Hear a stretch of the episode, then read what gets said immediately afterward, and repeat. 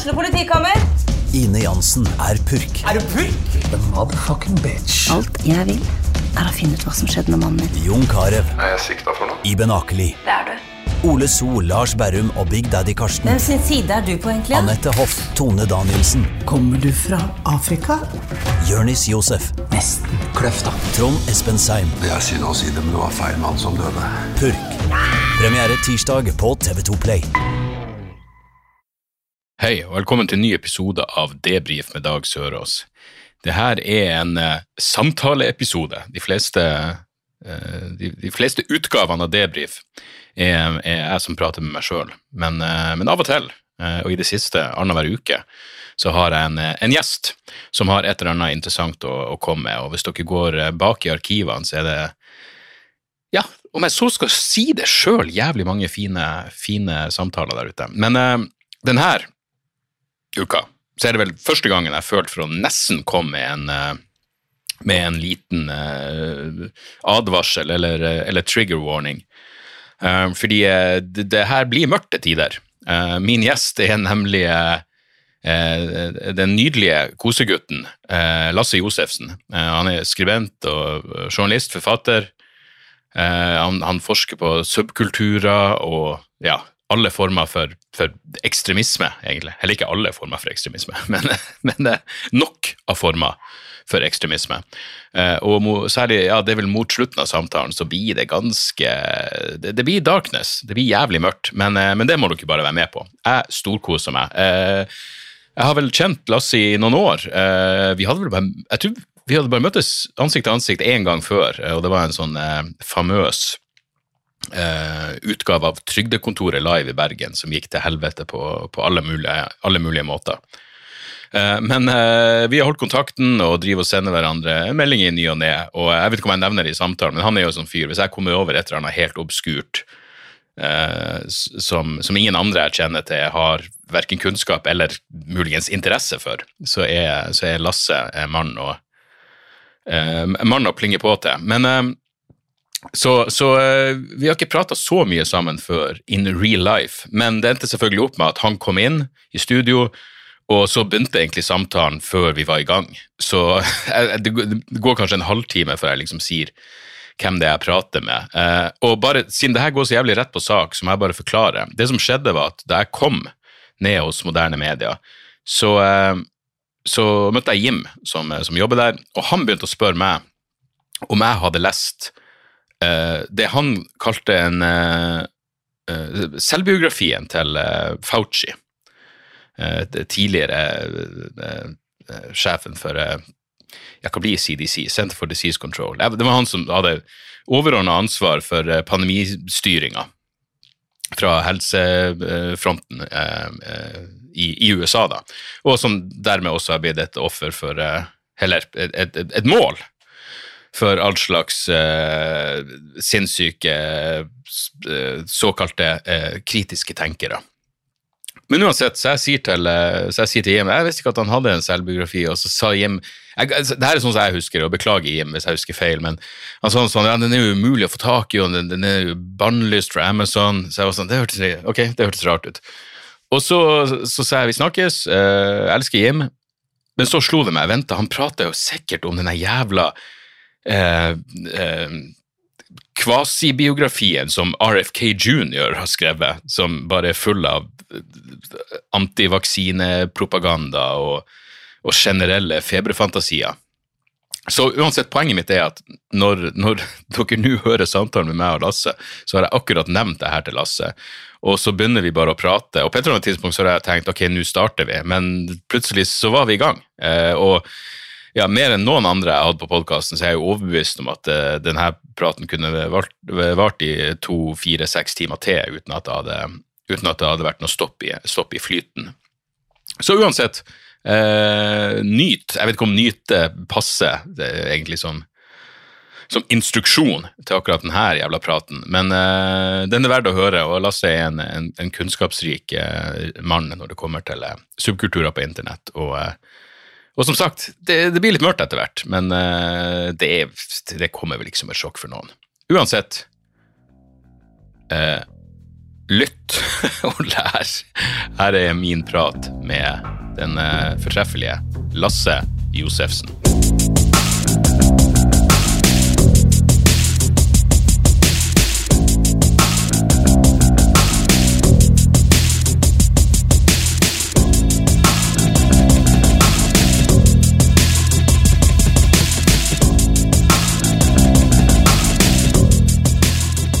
Men det var jo vannløst og umulig å få tak i, så jeg tenkte litt først etterpå det slo meg. Det er sikkert en RFK-bok oh, for faen. Ja. om, eh, oh. om Fauci han tenker på. ja, ja, ja, ja, ja. Eh, Fordi de hadde den ikke på Amazon, eller et eller annet piss. Eh, ja, Fauci er iallfall ikke kansellert eller noe sånt. Han- blir jo det hvis de her eh, galningene forteller. Altså, jeg har, ikke, jeg har egentlig ikke tenkt over uh, det derre Lubleak versus um, uh, su, su, su, Zoonotisk. Zoonotic. Ja, ja. Ja, altså, jeg, jeg, for meg så var det liksom begge deler. Liksom, da var det liksom litt da, Altså, lekkasje i, i, i laboratoriet det har jo forekommet, det er ikke Ja, umulig. Men så så jeg liksom alle de argumentene til de Lablik-frikene, og, og, og, og ingen av de ga mening. Og så var det liksom, Jeg husker da John Stewart var på Colbert, og så, så gjorde han poeng ut at, at, de, at de hadde en lab i Wuhan som het liksom, Covid Research, men Ja. det het jo ikke det. Nei, Så og det det, og det finnes jo tilsvarende laboratorium i Beijing. Tre, tre byer i Kina i tillegg. Ja, Så eh, jeg vet da faen om han hadde reagert på samme måte. Nei, hva er oddsen for? Nei, men det var masse sånne laboratorier. Ja, så, så, for, så har jeg sjekka litt, sånn, litt rundt på Twitter da, og funnet noen av de her eh, forskerne som driver med virus. og de, Det ser ut som konsensuset ligger på at det ble spredd da, fra våtmarkedet. Ja. Så da holder jeg meg til det. Men altså, jeg, jeg, problemet er at det har kommet kulturkrig i det. Ja, det er helt utrolig. Og det er bare så sånn, eh, idiotisk når vi prøver å finne ut liksom, hva som faktisk har eh, sveipa over verden og skapt mye lidelse. Så, Ja. så, så skal vi liksom gjøre det om til en sånn derre jeg, jeg har ingenting investert i Jeg vil gjerne vite så, eh, Ja hva, hva grunnen er, men, men jeg har ingenting investert i det ene eller det andre. Det er det som er så jævlig absurd. Ja, ja. Og så er det den ideen om at hvis du da går hardt ut Uh, Jeg husker han der jævla Brett Weinstein var vel en av de første jeg hørte bable om det der. Oh, at jeg trodde at det var et eh, at det var noe designervirus av noe slag. Og så Ja. er det sånn, ok, Du sier det på null grunnlag, og hvis det da skulle vise seg at de gjetta rett, så er det akkurat som de innbiller seg at de har hatt rett hele tida. Nei, du bare, det, er ren gambling. Ja, ja. Og hvordan du kan liksom legge noe i det. Noe før, ja, hvis du er en av dem som vil ha krig med Kina eller et eller annet, så kan jeg skjønne det. Men i alle andre tilfeller så er det sånn hvem, Hvorfor er det en del av de personlighet? ja jeg, Om det var en ulykke eller et naturlig, Jeg skjønner naturlig. Og, så, så hver gang et eller annet sånn her, eh, ganske viktig spørsmål blir, liksom, blir kasta inn i kulturkrigen, eller, eller, at kulturkrig blir pumpa inn i den diskursen, så, så forråtner alt. Alt, alt blir dumt. Alt blir fordumma. Ja, ja. Og, og, og jeg fant jo Altså, jeg har jo eh, På en måte kan man si at jeg har vært en del av det her eh, siden ganske tidlig, siden før mange av de her eh, anti-wokistene har uh, rabla helt og sånne ting. altså og jeg, og jeg, har- blitt sliten, altså. Jeg, du vet den derre Vietnam-veteran som er, Ja, ja. på slutten av platoon som bare med tårer i øynene sitter på helikopteret på vei hjem. Jeg, bare, ah, Ja. orker det ikke. men Det er eh, War is hell, man. ja. ja det, det, det, det, er åpenbart at eh, eh, covid ødela mange hjerner, men den, eh, den eh, Vi ruller nå bare, så Ja, ja. introduserer jeg deg på starten. Det, men det er åpenbart at covid ødela mange hjerner, men det, det førte åpenbart også til sånn, nye allianser som man ikke hadde sett Ja, før. er helt vanvittig. Altså, jeg blir så Men det er jo sånn som George Gooding, jeg, jeg, vil inn, jeg vil snakke med deg om mm. Wolfgang, men eh, han eh, har jo vært der flere ganger, og en gang tror jeg for å prate om det Lablik-greia, og da er det sånn, det forbløffer meg at noen kan innbille seg at George Gooding, til ingen forkleinelse for hva han holder på med til daglig, skulle ha noe innsideinfo om Lab-liken. Teorien. Altså, det er faen meg helt absurd. Ja, men folk, jeg merka jo det når, når covid kom, så var det veldig mange Nå har ikke jeg fulgt med på, på hva han har sagt om det, men jeg merka at det var veldig mange, spesielt på det man kan kalle den konservative sida, som plutselig ble liksom De lærte seg noen nye ord og, og noen nye konsepter. Og, Gain of function research var Ja, plutselig noe hele alle hadde peiling på. Ja. og så kunne de sitte og veie liksom hva som var mest sannsynlig. og, Ja. og, og, satt, satt liksom og cruncha numre og tall for å finne ut hva som var risky. og sånt. Ja, og nå har det jo, kom det ikke nettopp ut en sånn greie som viste at det var liksom eh, Dødstallene blant republikanere Ja, i USA var mye var så høyere. skyhøye. Ja, ja. Altså, Det er interessant når man omsider kan begynne å sette tall på det. Og så blir det Mm. selvfølgelig årsak og virkning og de evinnelige diskusjoner, men det virker jo ganske tydelig. Jeg, jeg vil tro det er et så tydelig resultat som sånn eh, si, forskning på sosiale fenomen kan bli, egentlig. Ja, ja, ja. Så eh, ja, nei, det, det er dypt deprimerende. Så jeg husker, jeg, jeg mener liksom i starten av For det har vært så mange sånne eh, du vet når du hører sånne klassiske Independence Day-argumenter. ah, Hvis eh, aliens kommer, så kommer vi i hvert fall til å bli forent på jorda om å stå imot. Men absolutt ikke. Det ville vært en masse forskjellige teorier om aliens, og noen ville tatt aliens til sin side. Det, det, det er ingenting som kan Ja. eh, forene Ja, folk. for jeg tror jeg har dratt den sjøl av og til, den der eh, alien-teorien. mm. Eh, men jeg mister håpet, på den, jeg òg. Ja. Altså, det, eh, vi er en ganske sånn her skakkjørt art i utgangspunktet. Uh, uansett hvor vi går, så tar vi med oss sjøl. Ja. Uh, og, og den derre at, at vi kan gå ut i rommet og bli, bli rombarnet. Den her litt her Kubrickske tanken, da, og, og at det er vår nye horisont. For vi trenger hele tida nye horisonter, liksom. Mm. Men problemet er jo, vi vet jo hva vi, som skjer hver gang vi finner en ny horisont. Altså, det blir jo folkedrap, og det blir eh, Ja. sykdom. Det, altså, det, det, Jeg har veldig lite vanskelig for å se for meg at Elon Musk kunne hatt noe sånn starta en arbeidsleir og funnet ut at vi må, vi må ta ut noen millioner. For ja, eh, sånn effektiv altruisme tatt etter en form for pervers eh, Ja, effektiv altruisme. Det, det er et begrep som det er, ikke så lenge siden jeg ble kjent med det. For det, men jeg kjenner jo til eh, En av forløperne til alt-right-bevegelsen var jo det som kalles NRX, de nyreaksjonære. Eller, oh, ja. eller Dark Enlightenment. Det var jo sånne der, eh, Silicon Valley-nerder eh, som begynte å få sånn derre Du kan si at de ble litt rusa på det som kalles the Californian ideology. Altså den derre spesielle mentaliteten da, som de har i Silicon Valley, de her, de her nye barnekongene som har koda seg til et eller annet eh, toppsjikt. Og, og, og, og du har en sånn blanding av uh, litt sånn uh, liberal dus, vennlig ansikt med en sånn knallrå kapitalisme. Mm. Og, og den innbyr liksom til en sånn liksom gudetanke. Og, og du ser eh, Det er sånn som, som på en måte skjer med Elon Musk, og, men spesielt med hans eh, medgrunnlegger i PayPal, Peter Thiel. Thiel, ja, ja, det første jeg tenkte på. Eh, og han er jo ledestjernen for NRX, eller Dark Enlightenment-folka. Ja, akkurat. og han I 2008 så var han på et møte for, Cato Institute, tror jeg. Der han sa at han har kommet frem, Han ser fremdeles på seg som libertarianer, men han har kommet frem til at frihet og demokrati er ikke foren- forenlig. Eh, og så Han har jo, tok jo til seg alle de her, de her eh, annet Curtis Jarvin, også kjent som Manchester Menchus Gold, Moldbug. Mm. Uh, Uttalte uh, motstander av demokrati. ja, det kan du definitivt si. Ja. Jeg mener at svarte, monarkist, han ikke og svarte egner seg bedre som slaver og sånne ting. Ja, han er på der, ja. Mm, Ja, ja og, og det her var jo på en måte en slags filosofisk forløper til alt-right, eh, bare med en sånn Silicon Valley-vri. Mm. Og, og mens liksom i de alt-right-åra, i Trump-åra, der Richard Spencer og de mer liksom de fra den mer konservative greia som havner i mer sånn eksplisitt fascistisk retning, Mm. de, de fikk mye oppmerksomhet pga. Charlottesville og Richard Spencer det er han som ble slått i det klassiske ja, uttaket. ja, det er han Mm. som grunnla begrepet alt-right, kan du si. Ja, akkurat, ja. Uh, og de fikk jo mye oppmerksomhet, og, og de fikk alle oppmerksomheten, så de ble på en måte raskt rydda litt unna.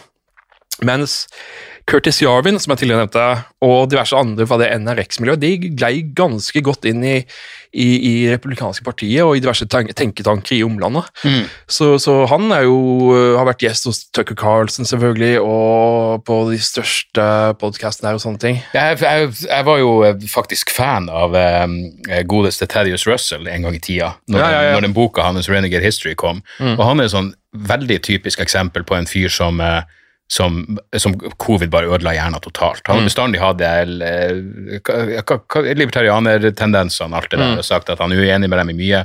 Men på et eller annet tidspunkt så, så tilta han bare totalt. Jeg husker jeg skrev til han på jeg skrev til han på Twitter et eller annet om at liksom, bare for å understreke liksom, at jeg har lest boka di, jeg har fulgt podkasten din, men eh, eh, jeg husker ikke hva det var som som fikk det til å tippe over. Eh, hvordan en gjest det var. Han hadde jo hatt Dugin der, og, Ja, ja. Men med ganske mye jævlige folk.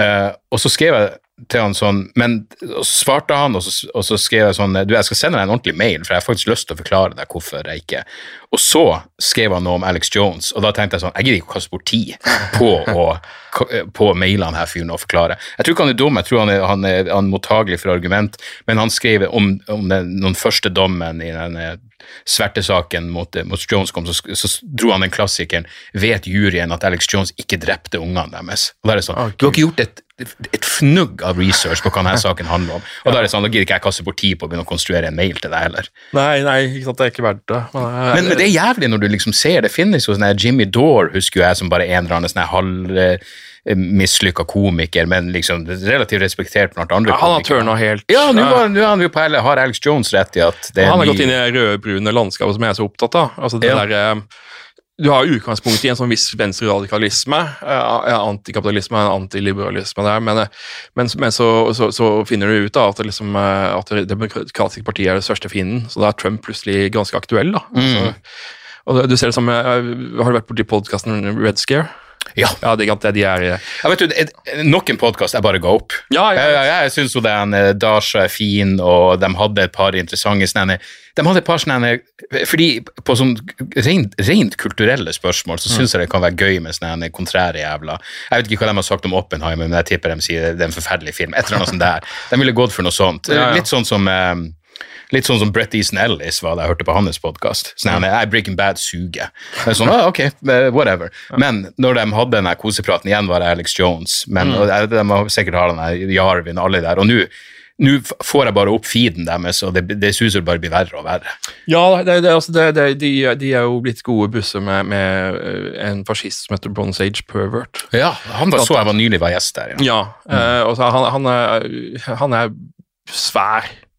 Altså det, det, er veldig mange av denne, de yngste folka i staben når Trump var i Det hvite hus, de leste Bronze Age Pervert. Ja. Uh, så, så, det, uh, så Red Scare, at det, Dasha uh, fra Red Scare hun ble jo berømt først fordi hun ble intervjua i Infowars da hun var sosialist. Ja, og, ja, og gjorde narr av dem. Ja, de, mm. de, de, hun var i sånn Sailor Moon-kostyme og sånne ting. Og Det syntes jeg var litt artig. Ja. Men så, så tenkte jeg ok, anti-woke venstre så var ble det kalt. Ikke, så jeg, var, jeg var jo litt sånn der Jeg tenkte det, sånn, Er sånn Chop og Trap House-folk? Ja, sånn, og det, det, det ja. Var, de var jo en del av det som kalles for eh, nei, Dirtbag. Dirtbag left, ja. Og Jeg var jo litt sånn der, eh, interessert i det i begynnelsen. Jeg syntes Trap var litt morsom, og sånt. Mm. de hadde noen kule gjester av og til, men så ignorerte jeg liksom noen røde flagg. Mm. Uh, men det er Dirtbag Left-greiene har jo spilt seg helt ut nå. Altså, ja. det, nå sitter liksom uh, noen av de og, på Twitter og, og liksom klager over at Zelenskyj blir ansett som en gud og sånne ting. Ja, ja. ja. Covid ødela gjerne til noen, og ja. Ukraina-invasjonen. Ja, det, det, er liksom Det har vært uh, Jeg ser på sånn her mer eller mindre tre store greier som har virkelig én etter én bare knukker hjernen til folk. Det første er Trump. Mm. Og så kommer covid som, som, bare har hatt enorm effekt på ja. folks virkelighetsoppfatning. Og så kommer Russland og Ukraina. Ja. Og, og uh, for å si det sånn, jeg har mista veldig mange helter, eller, eller helter, mm. helter, jeg har mista veldig mange som jeg mente var ok, som var interessante, i det minste.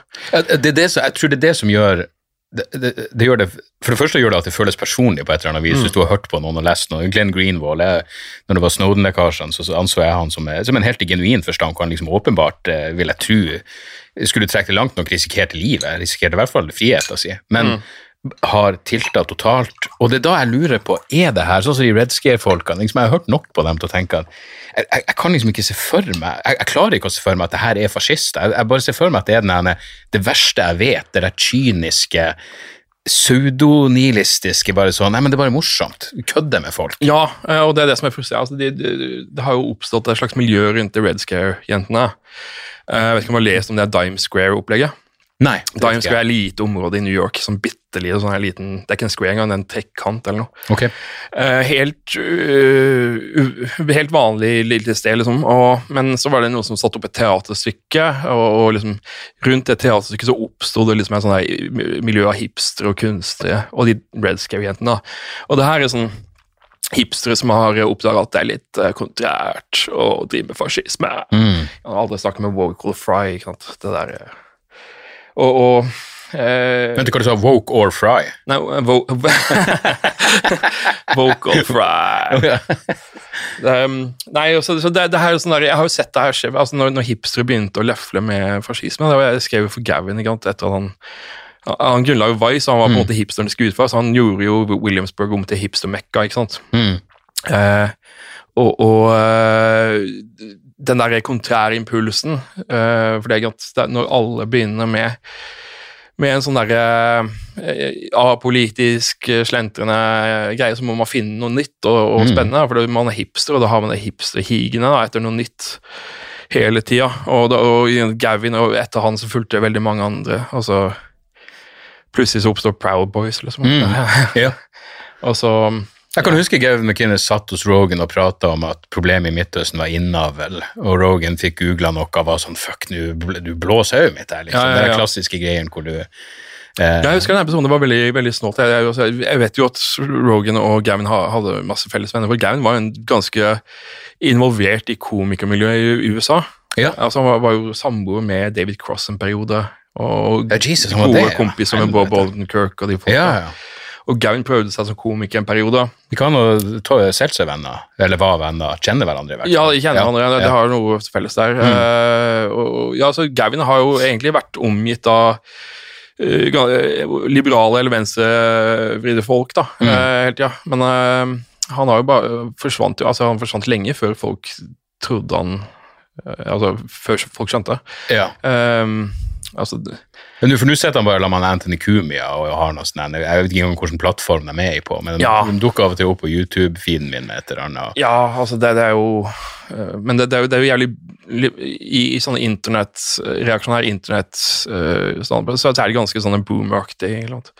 Og han blir sett på som for myk da, av de ordentlige nazistene. Ja, akkurat, ja. Mm. Eh, men han var en inngangsport. Altså det var, Jeg husker ikke hvilken uh, blekke som lagde en sånn der eh, oversikt. da, for det var en sånn der eh, The Right Stuff, en sånn der uh, alt-right-nettsted. De hadde en undersøkelse blant sine egne, da, finne ut hvem som hadde vært inngang da, til, mm. til at du ble omvendt eller ble red-pilla. Eh, og Gavin var ganske høyt. ja. Eh, og, men Gavin er også liksom, jeg en av de få uh, fra, fra den kretsen som jeg velger å på en måte eh, Jeg pleier å ikke kalle han fascist. Mm. For det, det vil, å kalle han fascist vil liksom på en måte si at han har en kjerne. Ja. Han er egentlig tomt skall. Det blir, det blir sånn som Trump, liksom. Ja, ja. Du, du krever en viss form for overbevisning for å Mm. være en fuckings fascist. Trumpismen er fascistoid, og det er fascisme, han kan lede til fascisme, men Trump sjøl er bare tomt skall. Han, Ja. Altså, han ville Jeg tror Mussolini tenkte litt utover seg sjøl. Ja, ikke sant? Fascisme altså, jeg, jeg, jeg kan ikke fordra fascisme. Jeg, såpass respekt har jeg for den som Ja. en, faktisk en idé med litt substans. da. Ja, ja. ja, det blir jo sånn som Erik Big Lebowski, når, eh, når han eh, John Goodman-karakteren reagerer på at de er nihilister. Liksom at nazistene hadde en etos. Ja, ja, det, altså, Walter fra The Big Lebowski er jo basert på han der John Milius. Å ja, okay. Så, som han som skrev eh, liksom, I love napalm, eh, smell om napalm in the morning, ja. Og, og, og en fyr som ikke hadde vært i Vietnam, han slapp unna Vietnam, men han, han oppførte seg som han har vært. liksom. Ja. Og, og dattera til John Milius, Amanda Milius, hun er en stor del av det der eh, Dime Square-greiene. Så da har vi trukket en sirkel der. Å ja, akkurat. ja. Så alt henger sammen, med andre ord. Alt. Men Gavin McKidd, holder ikke han også på med det der eh, ikke runke, og selvfølgelig det kvinnesynet, det klassiske eh, Ja, typiske reaksjonære. Han er, han er vel praktisk talt sånn dame hører hjemme på kjøkkenet-type. Det er det som er jævlig snålt med han som kommer jo fra et punkmiljø i Canada. eh, og, og i Vice, eh, hvis du leser selvbiografien hans, da, The Death of Cool, så leser du at han var vilt, og pult rundt og tatt alt dop og sånn. Ja, ja. Eh, så har gifta seg med en, med en eh, Og ikke, og, eh, eh, husker jeg rett, eller er han vi- gift med noen som ikke er hvit? Ja, hun er uh, urinvåner. Ja, Nå er jeg politisk korrekt. Ja, ja, ja, du. Og, og, og har unge med henne. jeg da. å notere for redigering her. Og han har unge med henne, og så, Ja. har han liksom med, med Proud Boy så har han liksom, han eh, står for tradisjonelle familieverdier og sånne ting. Mm. Men så er det, det er en jævlig fascinerende dokumentar som ble laga av bladet The Atlantic, og den heter White Noise. og Den, Ja, den stemmer. Forskjellige karakterer gjennom Trump-åra. Mm. Richard Spencer, Mark Cernovich, Lauren Southern. Ja, eh, Cernovich er den verste. så er det noe annet, jeg husker ikke. Men, men Lauren Southern-delen er jo uh, mest interessant, da. Uh, Ja. Av to forskjellige grunner. Det er jo ene er jo at Det er jo blonde. Hun blonde, blond, ung og pen. Mm. Og, og hun prøver på en måte å opprettholde den trad-wife-fasaden, eller trad-fasaden, da, i, i et miljø som er så kvinnefiendtlig. Hun var pøl før pøl kom. Ja, ikke Ja. Og, og, men i den dokumentaren så ser du faktisk uh, Hun har vært på show til Gavin McInnes, der de harselerer med henne, selvfølgelig. Mm. Uh, og når de er i bilen på vei bort fra showet, så ringer Gavin og liksom kommer med noen slibrige kommentarer. 'Du har lyst til å pule meg, har du ikke?' Ja, ja. Sånn. Og da ble det, er så dypt stikker det, da. Ja, ja, akkurat. Så det er, ja, Men er ikke det Ja, det, det, det føles sykt nok tusen ganger verre. At, at du er en sånn eh, Men liksom når du sier han er gift med noen som ikke er hvit, og samtidig forfekter Ja. hva enn det han forfekter Prakteksempelet er jo Dave Rubin, som er homofil og gift og har adoptert barn, eller surrogatbarn, Ja. og som liksom sett eh, Det er ingenting som er Det er det mest ynkelige jeg tror jeg har sett i hele mitt liv. Det var, det var, det var en del under den republikanske eh, debatten nå, hvor det var vel åtte stykker der, og de spurte vil du støtte Trump selv om han blir eh, dømt og bura inne. Underforstått vil du benåde han hvis du blir president, og seks av åtte rakk opp hånda. Han er Christie-fyren venta helt til alle de andre. Det, altså, Ah. Men det, det kan ikke måle seg med å se en homofil person sitte og høre at han er syndig og jævlig og en nyttig idiot for uh, ytterliggående høyresida. Det er faen meg trist. Jeg vet, men det, det, er, det er jo flere homofile i den bevegelsen. Peter Thiel er jo ja. Mm. homofil, og du har Miglo, selvfølgelig, som mm. er Og nå er han jo off again homo. eh, Nå er han vel eh, både hetero og kat kat, katolikk. Ja, ja. det, altså, det, det er jo sprø greie. og så- har de jo eh, altså Det største knyttneveslaget i eget ansikt, det er jo Kanya, ikke sant. Ja. Eh, men som jeg skrev en artikkel om akkurat det med Kanya i Morgenbladet. eh, for det der eh, det er ikke så underlig som folk skal ha det til, at, det, at en svart fyr begynner å, å digge Hitler og, og mingle med, med nazifolk. Mm. Det har skjedd før, flere ganger faktisk. Ja. Uh, og det har ligget noen reaksjonære eh, greier, noen slagg liggende i f.eks. sånn som hiphop-kulturen. Og så er det den der eh, subkulturen som jeg også nevner, det er hoteps. Ja. Det er på en måte de som har dratt afrosentrismen så langt at den faktisk blir sånn mer eller mindre naziaktig. ja. Altså mm. og, og, så- og så har hiphop-kulturen vært full av konspi. Uh, som jeg sier i artikkelen, så var det, det, det er vers på en sånn her remix av en LL Cool J-sang som heter I Shot Mm. Der eh, det er Prodigy fra Mob Deep som uh, synger Illuminati Want My Mind, Soul and My Body. Ja. Og det kickstarta bare Illuminati-besettelser i hiphop-kulturen. Ja. Og det Illuminati-konseptet det fikk han fra en bok av Milton William Cooper. Som eh, er en sånn militsdude, paranoid, var en paranoid militsdude i USA. Som eh, hadde nære bånd til Ku Klux Klan og sånne ting. Ja. Eh, men han skrev en bok som heter Behold the Pale Horse. Og den boka ble jævlig populær i amerikanske fengsler. ja. Eh, og da fikk på en måte sånne svarte fengselsfugler, de fikk eh, lest den, da, og, og i den så står det jo The Pale Horse, det er døden, er det det? Ja. Ja. Og, og, og i den boka snakka han annet at CIA innførte dop i svarte befolkninger og Mm. sånne ting. Og, og mye av de paranoide betraktningene til Cooper, det, det falt veldig Altså, det, det traff veldig eh, eh, eh, svarte menn som på en måte følte seg maktesløse mot en sånn noe de følte var en usynlig kraft over dem Mm. noen myndigheter eller noe Ja. Ja, ja. Og, og, så, så den spredde seg fra fengselet og ute i hiphop-kulturen. Ja. Jeg kan huske jeg var jo stor fan av Immortal Technique, og det var jo så mye 9-11, Illuminati og 9-11, og gudene vet. Ja, ja, ja. Det var akkurat så det egentlig bare Det hørtes bare nesten litt kult ut. Ja. Mens nå har jo det Nå sto jo han ene Vivek, het han vel, den ene republikanske kandidaten, og prata om at vi ikke vet sannheten om 9-11. Ah, ok. Så det, det begynner virkelig å spre seg. Ja, jeg vet. Det var, det var, jeg, jeg At det skal begynne å bli inn igjen. Sånn her trutherisme. Om, ja, jeg, jeg, jeg, jeg savner den tida da liksom konspid, og fordi det er som enten hadde øynene litt for nært hverandre eller litt for langt fra hverandre. Ja. Det, var, det var mye bedre da. Eh, nå, nå har du jo liksom eh, helt vanlige folk som begynner å snuse. De er ikke direkte det begynner å bli mainstream å være konspiratorisk. Altså. Ja, eh, det er så mange som ikke nødvendigvis er konspiteorifolk, men som har deler av det, tar deler av det til seg. Mm. Og, og så blir det på en måte glir det inn i kulturen. Da. Ja. Og, og det, det, er bekymringsverdig. Ja, jeg, jeg måtte jo nevne det til Jeg, jeg tror jeg sa det en eller annen plass, men uh, i sommer så var jeg med, ja, i noen familiekonstellasjon hvor noen plutselig bare Og det var jo hetebølge og et eller annet på nyhetene om Og det var jo noen som, en helt vanlig fyr som bare var sånn Jeg tror egentlig på det der greiene. Og da måtte jeg si, hvis du ikke tror på menneskeskapt global så Da er du en konspirasjon altså du, da, da støtter du en av de største konspirasjonsteoriene gjennom tiden. Altså.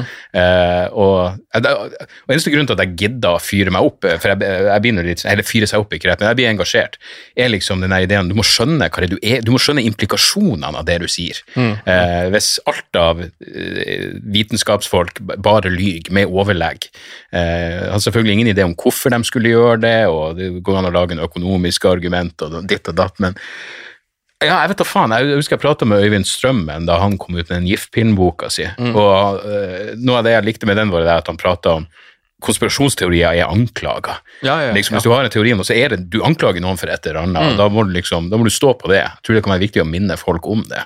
Ja, ja, ja, absolutt. Uh, så eh, ja, nei, det, det er et eller annet som uh, ja, jeg, jeg vet da faen. Jeg, jeg, blir, jeg blir deprimert. Det er derfor jeg lurer på hvordan du Jeg har lyst til å spørre deg om For det første, liksom, kan ikke du si litt om, om bare om, om bakgrunnen din. Jeg vil tro mange av de som hører på podkasten min, vet hvem du er.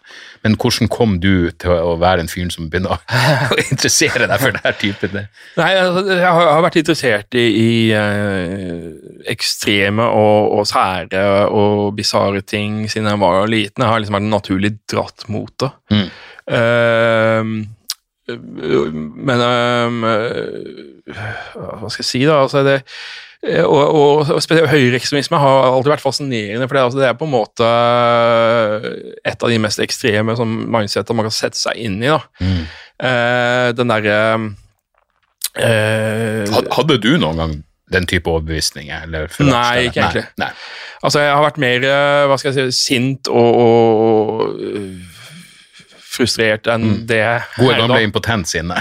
Ja, ja, altså, det, jeg, jeg var en av de liksom, som var jeg, jeg, Problemet mitt var at jeg, Ja, faen. altså Jeg, jeg dreit i om folk hata jøder eller sånne ting. Mm. Så, så når det var sånn i min krets, så, så var ikke det noe, det største problemet deres uh, i, mine øyne. Nei. Uh, og det det var jo på en måte Når internett kom, da, så, så oppdaga jeg jo altså, Jeg var jo vel tenåring da at internett ble vanlig, og jeg oppdaga liksom at det var nå kan du faktisk ta kontakt for eksempel, med, med mange av de som du syns er spennende. Mm. Og det var, det var helt radikalt. Eh, og det endte jo opp med at jeg på en måte fikk en, et nettverk rundt meg da, som, som eh, besto av veldig mange rare folk. altså Radikalere fra alle forskjellige slags leirer. Det var venstreekstreme, høyreekstreme, det økoekstreme det var, altså det var Alt var bare Det var et, land, et sånn subkulturelt landskap, da, eller et Ja. motkulturelt landskap, kan du si. Mm. Der, der eh, høyre og venstre ikke nødvendigvis spilte så veldig stor rolle lenger. Eh, men selvfølgelig eh, så, ble jo det her eh, Man merker jo etter hvert at det blir mer og mer reaksjonært. da. Altså, det her var jo liksom i det som skulle bli kalt alt-right-bevegelsens spede begynnelse. At ja, når, eh, som var med på å starte Vice Han fikk jo sparken derfra for han, han dro en nazivits for mye. Og det begynte å lyse mer og mer at, det var, eh, at han mente. Og, og Gavin begynte å skrive artikler for eh, et paleokonservativt blekke som het uh, Takis Magazine. Og det, det er veldig rart at Takis Magazine ikke blir nevnt mer eh, når det blir snakk om alt-right og, og oppblomstring av nye eh, høyreekstremismen. For altså, redaktøren som ansatte Gavin, det var Richard Spencer. Ja. Eh, og, og, og de som skrev for Takis Magazine, det var de som på en måte ble ledestjerner for hele greia. Altså, det var en som het John Derbyshire, uh, Steve Saylor, som er på en måte mannen bak det som kalles Saylor-strategien, som, um, som mange mener at Trump-kampanjen benyttet seg av. Saylor-strategien går ut, rett og slett ut på å uh, ja, Der eh, republikanere har spilt etter på en måte det de anser som venstresidas noter, eh, og prøver å være politisk korrekte og danna i presidentkampanjen relativt. ikke sant? Mm. Eh, så så Sailor-strategien går ut på å bare gi beng i det, eh, og, og appellere til eh, folk i flyover country.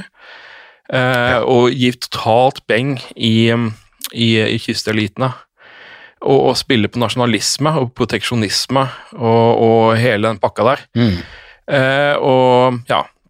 Så det Sånn som vi tyviliserer i de Ja. moderne republikanske kandidatene. Ja. til stor grad, i hvert fall. Så, eh, så han var skrev for Takis, og det var i hvert fall, altså det, Å lese gjennom de som har skrevet for Takis, er liksom som er Who's Who av, av liksom moderne høyreradikale i Amerika. Um, så, så Gavin begynte å skrive for, for de, og samtidig så starta han et eget nettsted da, som skulle fortsette litt der Vice slapp. Uh, han skulle fortsette den tonen som han satt i Vice, da, med do's and don'ts og hele pakka der. Det er jo viktig å minne på at Vice var veldig annerledes da enn Ja, ja, det- det er radikalt annerledes. Relativt eh, PK selv for min smak etter hvert. Ja, altså en av grunnene til at uh, Shane Smith og Suru Shalvi, de som Ja.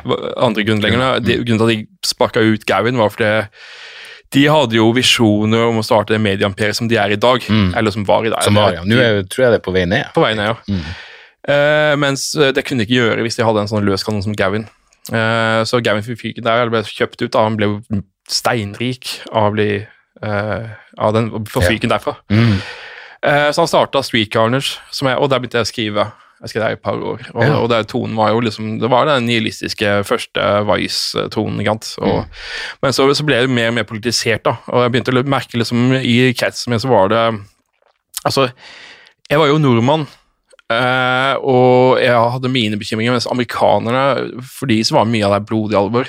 Og det jeg merka, var jo sånn uh, spe- Spesielt to ting da, som virkelig bare ødela veldig mange amerikanere. Det første var jo invasjonen i Irak. Mm. Altså En hel generasjon amerikanere mista totalt troen på myndigheter, eh, på eksperter, på media. Med god ting. grunn. Ja, si. absolutt. Mm.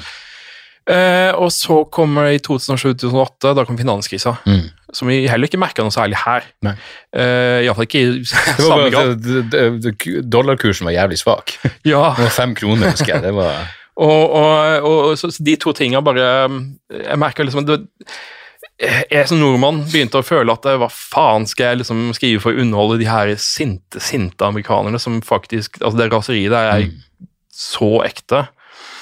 Eh, og og de, de tankene de begynner å lefle med, begynner å bli veldig ubehagelige. Så, altså, jeg Ja. på en måte rundt sånn jeg tror det var 2013-2014 så bare trakk jeg meg sånn stille tilbake, da. Eh, og, og, men eh, i 2014 da, så, så, så skjedde jo også noen andre ting som på en måte eh, satte fart i ting. Um, jeg hadde jo lenge hørt det begrepet alt-right. Det, det oppsto vel sånn rundt 2008 i Takis Magazine. Mm.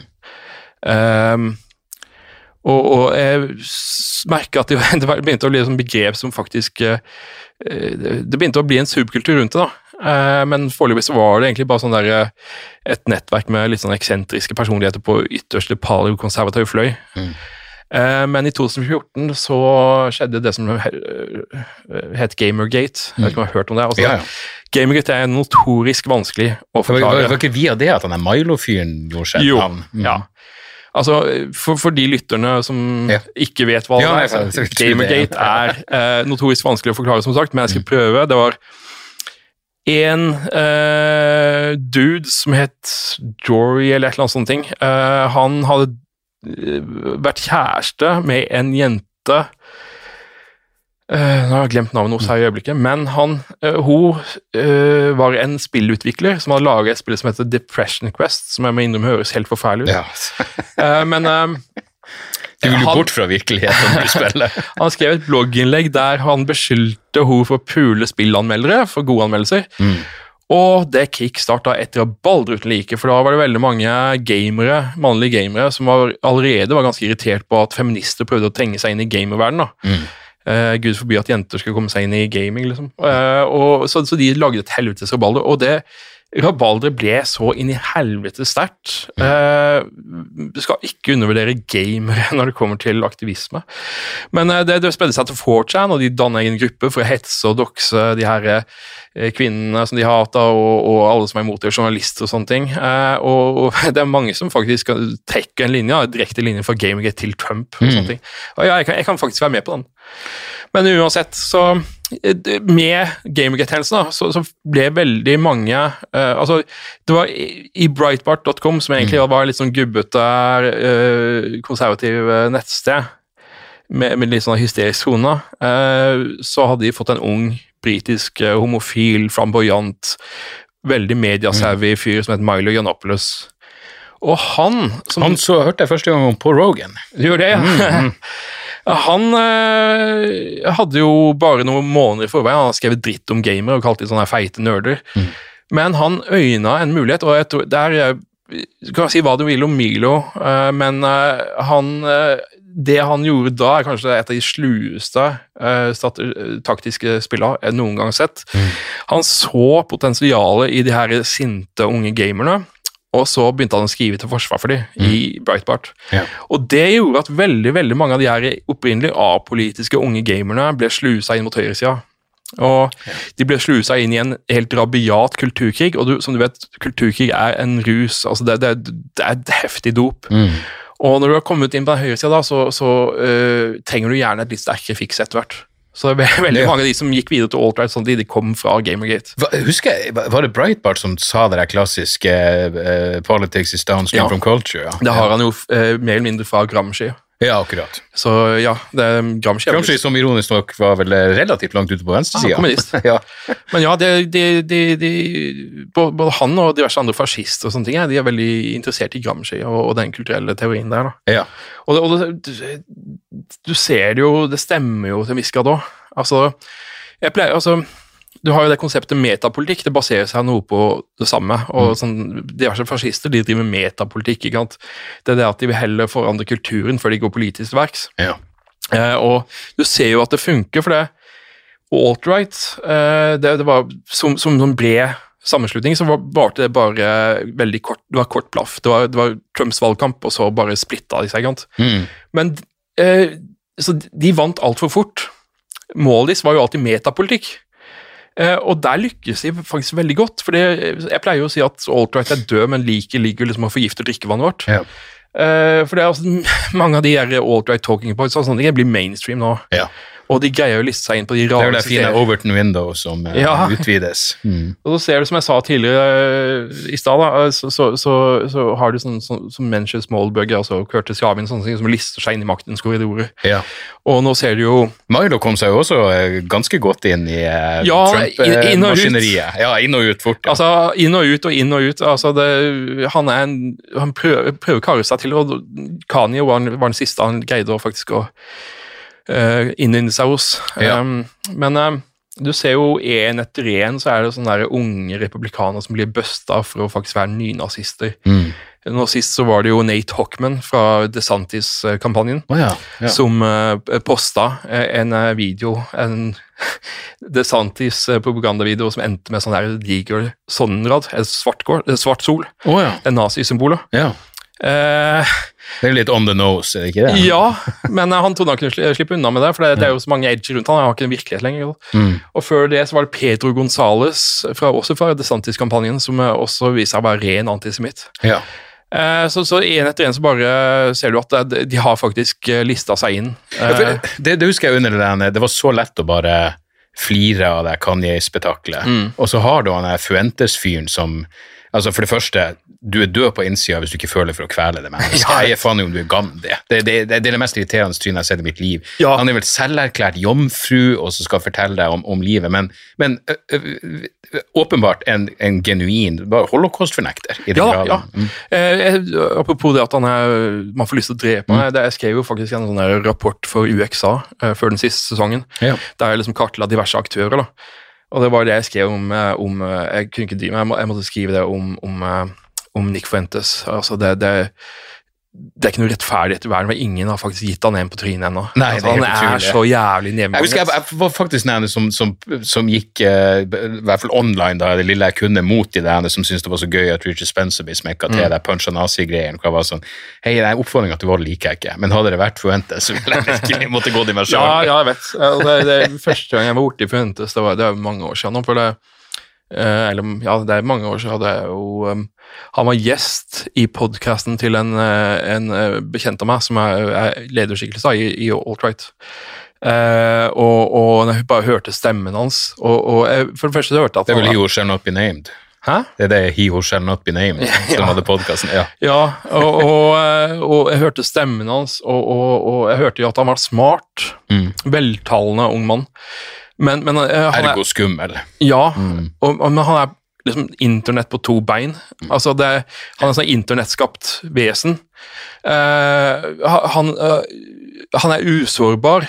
Uh, bortsett fra fysisk vold, selvfølgelig, og derfor jeg håper på det. Ja det. For det trolling, altså, han, han er jo et troll altså, Han er jo på en måte fortsatt på to bein, så det go- nytter ikke på en måte kalle han noe eller avsløre noe, men han, han har på en måte tatt den Han fra før. Ja. Mm, ja. Så, og, og han, han skremte meg, da, for det i den podkasten som vanligvis hadde gjester som var ja, den eldre alt-right-garden, da, Mm. eh, så, så var han et ungt innslag, og han var jo på en måte gjest der fordi han representerte zoomerne, i motsetning til boomerne, mm. generasjon Z. Ja. Og, og han representerte en ny altså alt-right 2.0. Altså unge, unge eh, mennesker som eh, på en måte enda slure klarer liksom å, å, å, presse inn i folks hoder. Eh, altså Richard Spence og de folka, de kommer Ja, de kan virke litt sånn derre trollete og litt sånn spennende, men samtidig så kommer de fra en sånn paleokonservativ bakgrunn som gjør de litt sånn støvete. Litt sånn gamle europeiske tenkere som Julius Evola og sånne ting. Nick Fuentes og de her, de gir egentlig fullt faen i sånne ting. Altså, Ja. det, det er mer, det er, der appellerer de rett til 4chan eh, eller hvilken som helst andre sånne der, eh, steder der som unge, fresende folk henger. Eh, Men vil det si at det ikke er noe Det er liksom ikke noe Hvis du spurte Nick Fuentes, så hvordan ville ditt utopiske samfunn sett ut? Ville han hatt noe svar, eller handler det bare om å brenne alt ned? Det er det som er litt vanskelig spørsmål Mm. med mange av de folka. for det mange av, de, mange av disse er det reisen som er viktigst, ja, ikke nødvendigvis nettopp. målet. Ja. Det er sånne her, de her akselerasjonistene som jeg Ja. har skrevet om, det, det er jo det mest radikale yttersida. ikke? Det er de som vil brenne ned hele samfunnet. ikke? Men det er, det er de som også har den ideen om å ja, Hvis du bare setter i gang noe faenskap, så kommer alle andre til å hive seg på. Ja, så, tanken er eh, at vestlig samfunnet er så, såpass dekadent Mm. og sykt at det nytter ikke å redde. At? Det er den klassiske nynazisten iallfall later som han vil redde Vesten. da. Mm. Eh, Akselerasjonistene vil ikke det. Eh, de vil brenne alt i grunnen. For ja. de tenker at vi er mye nærmere uh, undergangen enn frelsen. Mm. Så da vil vi bare skyve på, eskalere og, og akselerere alle destruktive prosesser i samfunnet. Ja. Sørge for at det er en kollaps ender, og gjerne ved hjelp av spektakulære terrorangrep og, Mm. og sånne ting. For å lage dårlig stemning, rett og slett. Det, Ja, de, ja, de lager dårlig stemning. Ja. Um, og, og Uten å ha noen idé om Ja, kan de altså, prøve det- å oppnå annet enn ødeleggelse. Du ser jo på mye av propagandaen i og så har de jo sånne der, eh, bilder av sånn duse bilder av en eller annen hvetåker i sånn fiktivt europeisk land, og en eller annen arisk dame som venter på at mannen kommer hjem fra jordet. Mm.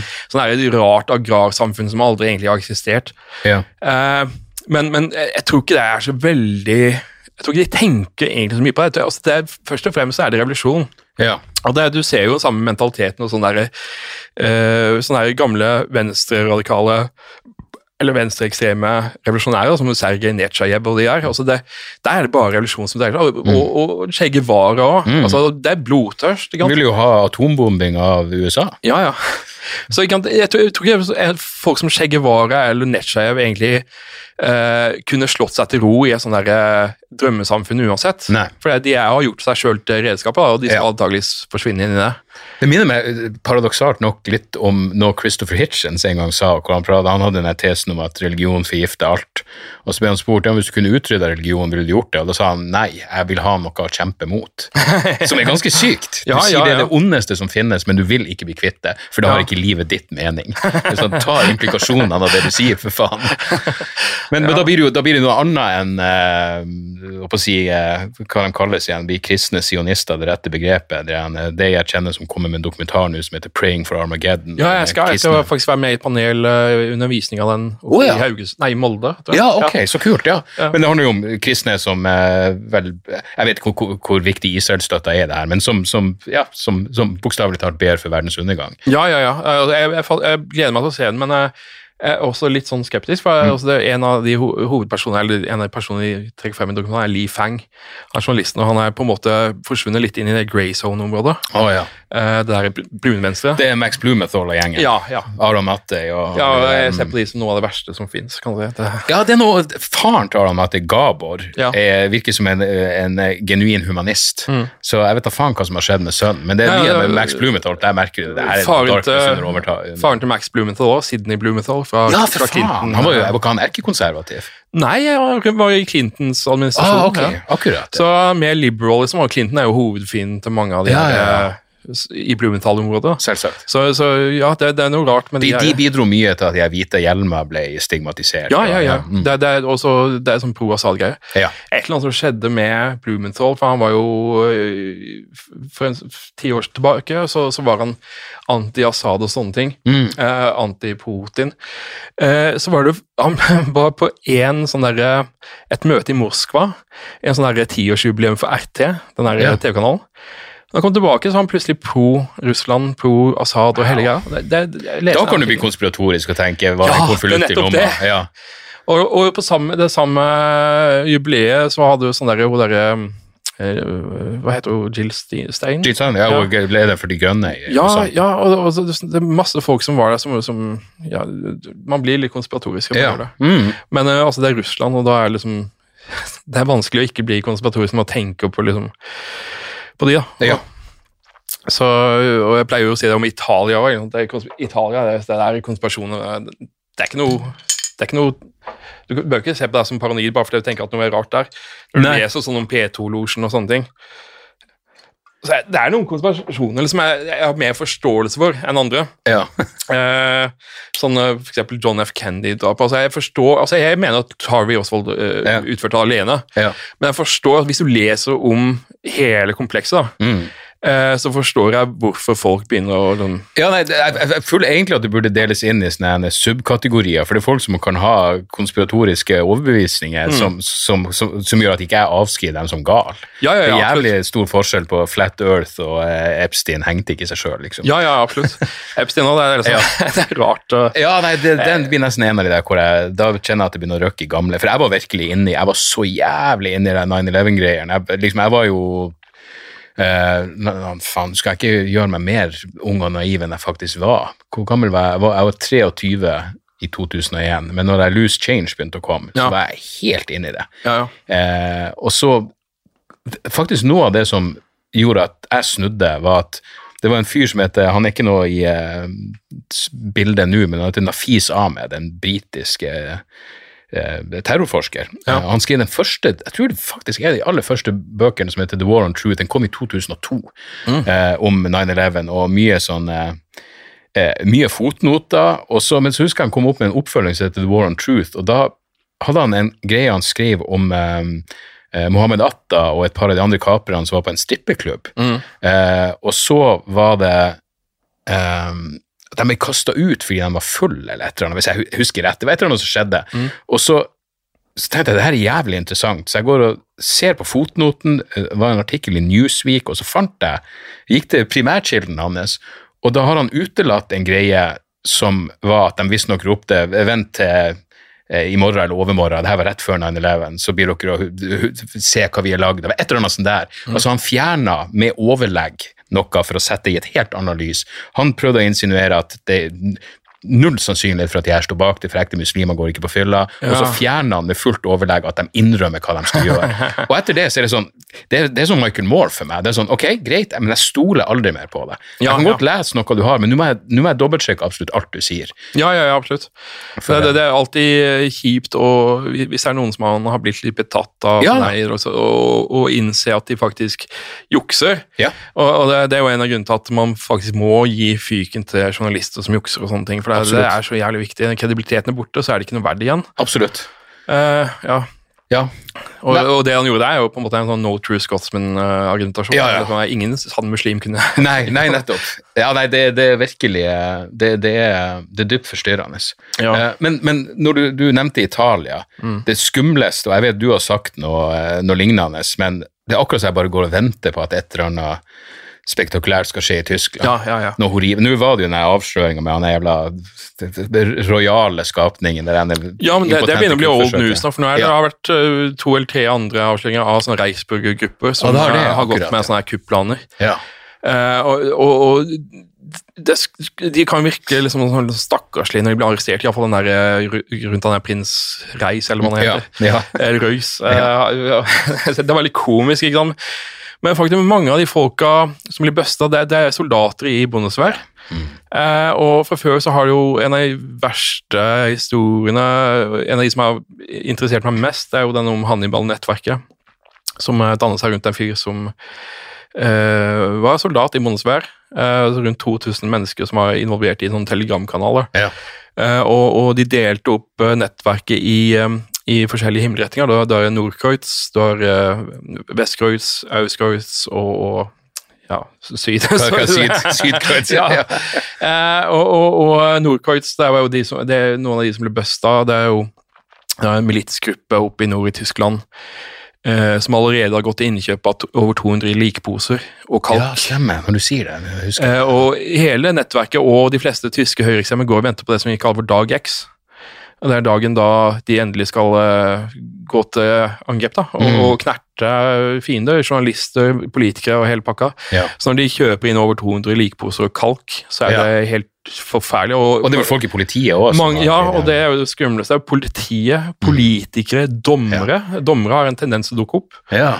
Uh, det var en som heter Jens Inge eller noe sånt, som er, var AFD-politiker og dommer og medlem av nettverket, som uttalte at av forståelse for Breivik og sånne ting. ja. Og det er jo Og uh, uh, Alternativ for Deutschland, som, som vel er langt til høyre for Frp, et oh, ja. naziparti, eh, er nå det nest største partiet. Ja. 21 oppslutning. Jeg skremmer vettet av meg. Ja. Eh, og, og denne forståelsen for Putin sånn rundt omkring i Frankrike og Tyskland og sånne steder. Mm. Eh, og i USA, ikke minst. Eh, blant folket. altså Én ting er gale politikere, men når folk liksom på en måte viser at de har vilje til å velge inn noen som er mer forståelsesfulle for Putin Ja, altså det, det, det er dårlig nyhet for oss som Ja. deler grenser med Russland, for å si det sånn. absolutt. Eh, altså Hvem vet hva som skjer i, videre i Uk Ukraina, men altså Mm. vi må tenke litt lenger inn i framtida òg. Jeg, jeg leste nylig en artikkel om eh, The Rising Star på høyresida i Polen, som er en 36-åring som eh, eh, Og der var det sånn jeg, jeg, eh, Det var liksom eh, dødsstraff, eh, selvfølgelig full abortmotstand, pisking av homofile, Jesus og hans beste venn. Og da tenker du sånn, jeg, jeg skjønner ikke, og, og da var en av de tingene de argumenterte med, da var, ja, han er sånn eh, prakteksempel på noen som går mot støtte til Ukraina, og det blir sånn ekstrem sammenblanding, fordi det, jeg har en viss sympati når jeg hører amerikanere si at ja, men altså, ting går til helvete i vårt land, og de billionene av dollar som vi skal bruke på det her, kunne vært brukt hjemme. Jeg har forståelse for det argumentet. Jeg skjønner at hvis du er en lutfattig tysker som føler at alt eh, eh, ja, det, det, det, hva enn som forfaller rundt deg, så skjønner jeg at ja, vi bruker pengene her. Jeg, jeg ser det argumentet, men det er liksom milevis unna Ja. eh, Putin er en fin fyr og har et godt prosjekt gående. Ja, altså, altså han er liksom på en måte den vestlige manns redningsmann. eh, og og, og anti-woke, ikke sant. Eh, og, og, Og de klarte, Jeg husker Jordan Peterson, han begynte med noen Twitter-video. Jeg tror han begynte å jobbe for Daily Wire, Ben Shapiro sine, eh, sine forkastelige greier. Mm. Og begynte å prate Peterson, har- som selvfølgelig ikke har han, han kunne vel ikke sagt et ord om noe geopolitisk, for han vet ingenting. Mm. Men han satt prat om at det, det her var egentlig det var, det var en krig mot det woke. Ja. Det er, Det- altså, og, og han, han begynte med å Det er en krig mot uh, degeneracy. ja. Degeneracy altså det er jo et buzzword som bare Ja, ja. får alarmklokkene til å ule hos meg. altså Det er jo det er kampen mot det degenererte og ureine. ikke sant? Og så, Ja. og, og så setter de sammen ja, og det, og det er jo woke da, i vår kultur. Mm. Eh, altså Folk som er, er kvinner og sånne ting. Det er, det er jo Vestens død. ikke sant? Og, Ja. og eh, altså Peterson sjøl, han, han er jo han er ikke glup nok til å forstå de her eh, greiene, føler han. Altså, jeg, jeg hadde, jeg forsvarte han jo faktisk en god stund. da. ja, jeg også. Jeg, jeg synes han var relativt interessant i starten. Ja, altså, jeg, jeg ignorerte en del, nok en gang en del faresignaler. og, så, og så tenkte jeg liksom, ok, hvis ungdommen er nysgjerrig på liksom, konservativt uh, liv med orden og sånne ting, så, så, så er det bare spørsmål om hvilken type konservatisme de har. Ja. Og da tenkte jeg en som ber de å rydde rommet, det høres helt greit ut. Jeg husker jeg leste den første boka og tenkte det her er jo eh, eh, stort sett banalt og litt sånn eh, eh, av og til eh, nesten på- grensa til inspirerende i forhold til å liksom sånn, eh, si sannheter. Ja, Ja, ja, ja. Ja, godt poeng. Mm. Men, men, eh, men hans nedtur er jo Og den virker jo i hans tilfelle, som, som ikke egentlig taler til hans fordel, men det virker jo organisk på et eller annet vis. Det virker som alt det her har ligget i han hele tida. Ja, eh, altså eh, det, det mener jeg òg. Altså, det som sagt, jeg ignorerte en del sånn, faresignaler. eh, men eh, det var jo liksom noe jeg plukka opp her og der. Og jeg husker liksom Første gang jeg skjønte liksom, er, han er litt sånn litt mer reaksjonær enn jeg tenkte. Det, Mm. det var når noen spurte han om hvis du ville velge mellom Hillary og Biden Nei, Hillary og Og Trump, nei, jeg, jeg tror det var Biden og Trump den gangen. ja. Hvem ville stemt på? Jeg tror- ville holdt meg for nesen jeg ville stemt for Trump. Mm. Uh, og tenkte, ja, det overrasker meg litt, for jeg tenkte liksom at du som sånn her eh, konservativ Tradisjon og ja, ja, liksom, sånn her stabilitet som, eh, og som, som får- orden fremfor kaos. Ja, jeg tenkte at i, sånn, i likhet med sånne eh, mer konservative, eh, rolige mennesker som David Frum og, Mm. og, og sånne folk, tenkte jeg liksom at Peterson ville skjønt liksom at ja, av og til må man bare gå for uh, motstanderen. Ja. Uh, så ja, og det var jo liksom etter at Trump liksom virkelig hadde vist seg som eh, Altså Han viser seg på de verste, på en måte. Mm. Eller det gjør han vel nå. Altså jeg mener, Har du sett mugshotet? ja. Å, herregud. Litt hot, men uh... Ja, men jeg, jeg, jeg tenkte jo at det er et mugshot med Trump, det er sikkert sitter alle og venter på, men jeg tenkte ikke at han kommer til å gi liksom Nei, det er så gjennomtenkt. Ja, ja, det er Å, Jesus. Han så for seg de plakatene de skulle lage, Ja. eh, som, som det er. Jeg mener, snakk om, det, det er sikkert et av de bildene som ble et meme raskest av alt. Å, ja, ja, ja, Det er gal? Umiddelbart. Det er snacks for uh, de som sitter der. Ja. Men nesten litt absurd at man omsider fikk en mugshot av han, i hvert fall. Hva? Det, ja, det bare føles rart, på et eller annet vis. Det er akkurat så, eh, for meg så var det sånn, ja, så det er faktisk en eller annen form for realitet i For jeg hadde hatt vanskelig for å se for meg liksom, at det Ja, kom til å få og, men eh, nå, altså, nå er vi på et helt nytt territorium, på en måte. Altså, Ja, Det, er det, på en måte det vi har sett med Trump hele tida, at vi hele tida havner i terra incognita. Vi Mm. vet ikke hvor vi er i landskapet. For alle reglene ble oppheva den gangen han ble valgt. Ja. Eh, når han på en måte ikke forsvinner ut av en presidentkampanje etter og liksom, det grab, grabben by på å si Mm. kommentaren og sånne ting, så er liksom alle reglene oppheva, Ja. så nå kan alt skje. Ja. Uh, og, og nå som på en måte han han er den mest populære presidentkandidaten for republikanerne, mens han samtidig eh, har det her eh, Ja. rettsgreiene gående over seg. Mm. Altså, det, det, Tilstanden er så absurd at nå eh, Ja, At, at, at liksom seriøse folk prater om jo, men han kan drive valgkamp fra fengsel.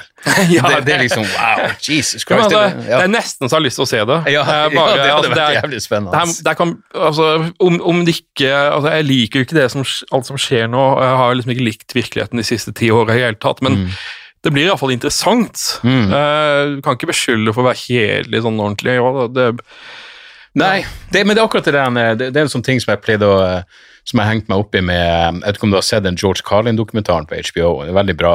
eh, To-tre episoder. Men uansett, George Carlin prater liksom om at han ble eh, og han, Det her er et intervju du sikkert kan finne på YouTube også, men han ble fri når han eh, altså Det blir jo mine ord, men poenget hans var at han, han oppnådde artistisk frihet når han distanserte seg fra menneskeheten og tenkte jeg er ikke en deltaker, jeg er bare en observatør. ja. Og jeg tenker sånn, ok, jeg ser hva du sier, men du har en fuckings unge, mann. Jeg synes ikke du har lov til det. Jeg har formert meg. Jeg har ikke lov til å si at det er gøy å se uh, skipet gå ned. Jeg, jeg føler at du har en eller annen form for For da gir du etter til, for den nihilismen som jeg, som jeg bare ikke klarer. Det, Ja. Jeg føler jeg blir så humørløs hver gang jeg prøver å liksom argumentere for at nei, men det er ikke greit. Minner meg litt om, om eh, den, den der greia som dette er Ernst Jünger, han er forfatteren som eh, er Ja, en måte er stor helt Mm. blant mange på radikalhøyresida. Ja. Flink forfatter, jeg, jeg Ja, ja, Junger. Jeg vet om mange på venstre. Skriv mye bøker om liksom, hvor viktig eh, militæret er for samhold og Ja, den type eh, og, men altså, han var en krigslisten fyr, iallfall Mm. i yngre åra. Og, og han, han var dypt reaksjonær, alt det der. Men eh, han, han hadde jo det konseptet med skogsgjengeren. Altså når, når eh, man ikke er tilhenger av demokrati og alt det Ja. der, så kan man bare forsvinne inn i skogen og heller opp Ja, akkurat, ja. Mm. Eh, og, og, og Julius Evola har jo også et lignende konsept som heter Ritigeren. Oh, skal- Å, å, ok, nei, det det, jeg det er, um, han er fascistfilosof fra Italia, Mm. og kultist og hele pakka der. Eh, han, han, han snakker om det at vi lever i Kali Yuga, eh, og, og det er veldig lite du kan gjøre med det. Så det er bedre å bare ri tigeren gjennom Kali Yuga. Ja, nei, da må jeg eh, da må jeg nesten sitere noe om Chomsky, som når han blir spurt liksom, om hvorfor, hvorfor han fortsatt gidder å bry seg i en alder av 95, sier at ja, men alternativet er enten prøver du å gjøre det lille du kan for å gjøre verden til et bedre sted, eller så gjør du ingenting. Eller enten gjør du det lille du kan for å se til at alt ikke går til helvete, Ja. eller så gjør du ingenting og sikrer at det går til helvete. Liksom, det, det, det er et eller annet i det der. Og igjen, hvis du vil ut i skauen, det her er sånn, en annen ting som irriterer meg, det er denne Når, når folk, og det er vel throw, eller hvem faen også, men liksom denne ideen om at jo, hvis jeg bare trekker meg tilbake og lever i skauen, så er det et moralsk valg. Det er det på ingen måte. Du, det er et rent egoistisk valg, og jeg kan forstå det og respektere det, og gjøre det hvis du vil, men ikke tro at du bidrar på noen som helst Men de har sagt at uh, både skogsgjengkonseptet og, og det i tigeren det var me- uh, metaforiske. Sånn at det var mer å innta en aristokratisk Å, ja, ok, så en holdning, liksom, Og delta i samfunnet, men ikke egentlig være der innerst. Du kan ikke ta fra deg sjelelivet ditt. ikke sant? Nei, ja. Og, og i, i det konseptet med å ri tigeren, så er det jo også da, av og til så blir tigeren sliten, så av og til må de ta an pisken litt. Ja, okay. Og, og det, det, de bedriver litt vold, sånne ting. ja. Uh, Evelov var ikke en fredelig mann. Og Iallfall ikke Jung heller. I, fall, ja, I eldre dager så ble han mer fredelig, men Mm. uh, altså, den fyren likte faktisk krig. Selv om han skrev en av de beste mer eller mindre antikrigsbøkene som var der. Mm. Uh, fascinerende fyr. Vi, eh, det er jo bare, tror jeg, andre gangen jeg traff deg. Første gangen jeg traff deg var når vi var med på en Trygdekontoret live i Bergen, Ja. som var eh, en eh, ganske bedriten opplevelse. En legendarisk i alt som er dritende. ja, det var vel under mediedagene, og de var maurings og gadd ikke å følge med, og på et tidspunkt så hoppa Dan Bichoy opp på scenen og skulle begynne å lese opp eh, eksempler på kanselleringskultur i Norge, og det ble en frem og tilbake, og vi var nok kanskje Jeg har i ettertid, og det har jeg sagt mer eller mindre offentlig, litt dårlig samvittighet for hvor hardt Ja, han, han fikk nå kjørt seg litt, men det syns jeg var på sin plass. Men Ja, backstage. ja, backstage Ja, ja. etterpå. etterpå. Eh, men liksom jeg tenker, for jeg husker bare at du sa uh, Vi begynte å prate om subjekt, og da sa du at du Sa du noe sånn som at du hadde du trua på prosjektet i utgangspunktet, eller at du syns i, i teorien at det var en god idé? Altså, jeg, jeg visste ikke noe særlig om subjekt eh, i begynnelsen. Jeg Mm. at det, alle begynte å snakke om det, eller det dukka opp her og der da, i forskjellige eh, sammenhenger. Uh, men så jeg visste egentlig ikke noe særlig om det. Uh, jeg visste sånn vagt hvem Danby var. Mm. Eh, husker ikke hvorfra. Hadde vel av felles venner og sånne ting. For jeg visste ikke hvem han var da, så Å, ja. han har vokst til, og det her var jo var i fjor, og forfjor. Men det, alle, jeg husker bare noen sa at Danby sitter selvfølgelig på første rad. Jeg bare, hvem i Ja, ja. Men nå vet jeg. Nei, altså det, så, Men jeg ble kontakta av Danby fordi jeg ville lage en podkast der jeg, og, og Nastin Khan skulle diskutere blant annet eh, det der med Sian, da. Og, og jeg husker du ok podkast, det mener jeg. Jeg har ikke hørt på den på evigheter, men ehm, så jeg var med på det, og så, uh, så skrev jeg en artikkel for det en gang eh, om, om 6. januar, hvordan akselasjonistene sitter og bare venter på å ta tak i de der skuffa Trump-tilhengerne Ja. som trenger liksom mer radikalt Mm. eh, gods. Eh, men så eh, ser jeg jo liksom subjektet har forsvunnet mer og mer inn i denne kulturkrigen, som er helt Altså, den, når de hadde en artikkel om at det var Woke sin feil at den miniubåten som skulle ned til Titanic sank, da er det sånn Ja. Jesu navn. Altså, det her er verre enn det Quillette var på sitt verste. Det er så uh... Ja, ja, altså Quillette der hadde jo faktisk folk med jern. Og, sant, Og nå har de en dritbra artikkel som går mot Lablik-greia, selv om de selvfølgelig har fått masse backlash. på- Nei, ja. Ja. hvor, han bare, hvor en fyr bare sier hei, jeg tror til og med han sier noe sånt som at han hadde håpet at det var en lab-lik, Ja. Men etter å ha faktisk sett på bevisene og sett på hva de som jobber med det her sier, så er det så, ja, så heller han andre det veien. Quillette eller subjekt? Eh, Qu- Oh, Å, ja, ok, Quillette, ok, Okay, ok, ja, ja. Nei, subjekt har vel ikke hatt noe Ja, ok, Quillette, tro- jeg har ikke fulgt med på Quillette Nei, altså, jeg, skal sies, jeg leser jo ikke subjekt, fordi det virker som det aller meste er bak en betalingsmur. Ja, eh, altså, fra tid til annen så, så får jeg lese noe som ikke er bak betalingsmye, Mm. men det er, ikke noe jeg gidder å følge med på. Men eh, jeg begynte jo å reagere på diverse ting, da. Eh, Jeg tror det var- det første jeg reagerte på. Det var ja, det, var, det var mye sånn her eh, ko- eh, vaksineskepsis-opplegg Ja. som begynte å dukke opp midt i covid-greia. Jeg synes det var eh, idiotisk å drive og pushe ut det. Mm. Um, men så eh, Nå er det jo en nylig ansettelse. Eh, Jeg vet ikke om det er nylig, han som også jobber på Nord universitet, som vil leie Ja, ja. har noen eh, eh, merkelige Ja, det, det var det eh, nyeste. Men, ja. men så det, det begynte virkelig å irritere vettet av meg da, når, når liksom sånn Tore Rasmussen lov, fra, fra Legatum at jeg får lov til å liksom, Ja. på en måte presentere seg som, som hjelpearbeider i Ukraina. Liksom, som Ja. han kun var det, og, og noen flyktninger er mer verdt enn andre. og sånne ting. Ja. Eh, og, og begynte å lukte litt fis av hele greia. Eh, og spesielt når, når ha, de er, venstre, de er antisemittene på ytterste venstrekant i Norge Mm.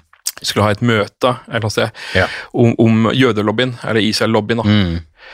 Eh, og, og, og de fikk på en måte eh, pusha liksom kravet sitt der da, om, i subjekt om, om at det måtte de få lov til å få lov å ha, og så var det eh, et, eh, Så kom det fram at PST hadde spurt en fyr fra Trøndelag, er rundt 36 år eller noe, eh, som har et nettsted.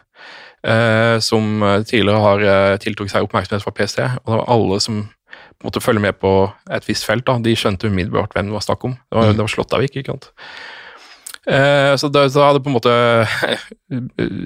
Subjekt hadde gitt en sånn Kan du bare gi en kort innføring i denne skapningen? Å, oh, Jesus Kristus. Nei, han er jo eh, han er jo stokk dum, men han Ja. greier på en måte å liksom være såpass ekkel at han, han uh, tiltok seg oppmerksomhet med Mm. stø- støtte til Breivik og døde kulturmarxister og snakker om å drepe sosialister. Jeg, Mm. jeg husker ikke helt uh, er, Hvis du søker på navnet hans på, på nett, på et bildesøk, så får du sånne her highlights. Det er Eh, objektivt jævlig. ja, ja, ja, absolutt. Og det er ikke en fyr du skal høre på når han klager over at PC kommer for å høre, snakke om det møtet. Nei. Selvfølgelig kommer PC og er nysgjerrig på De hadde ikke gjort jobben sin hvis de ikke var ja, ikke sant? De er nysgjerrig på hvem som faen som kommer på et møte om, som er gjennomført antisemittisk. Mm. Uh, så så det, det irriterte vettet av meg. og så Det begynte å bli mer og mer, det bare balla seg på. Bare- Og, og så, men altså, det verste for meg, uh, sånn der, eh, personlig, det, det er ikke nødvendigvis sånn derre er De åp- de åpenlyse nazistene og som Rasmus og sånne ting. Altså det, det, det er idiotisk, bare. Men den der konstante um, uh, å kaste ut fuglefrø til alle de sultne kulturkrigerne der ute, som trenger nytt fiks for å bli rasende. da.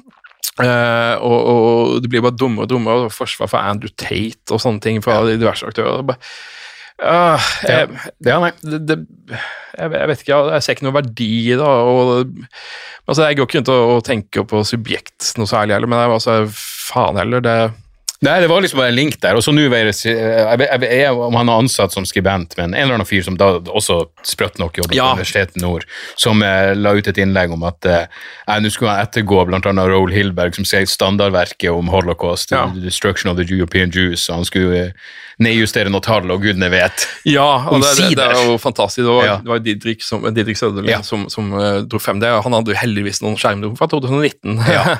fra, fra den der Vi som bryr oss om avisa Klassekampen. Jeg skulle å si som er, eh, Den der Facebook-siden. Norges ja. rødbrune Nexus. Eh, og, og ja, må gjøre litt research. Da, finne, og når han sitter og ser, jeg tenker ja, vi skal se litt mildere på konspirasjonsteorier. Det her er en fyr som holder er holocaust-revisjonist på det mildeste. Uh, du skal ikke ha han til å si at noen konspirasjonsteorier faktisk har noe for seg. Ja. Og i den artikkelen i Subjekt da, så, så skriver han jo også Jo, han snakka om liksom om at det, det, det diverse Det er jo ikke særlig urimelig da, å, å, tenke at diverse religioner som jødedom, katolisisme og sånne ting, eh, at de faktisk eh, vil ha, prøve å oppnå makt. Mm.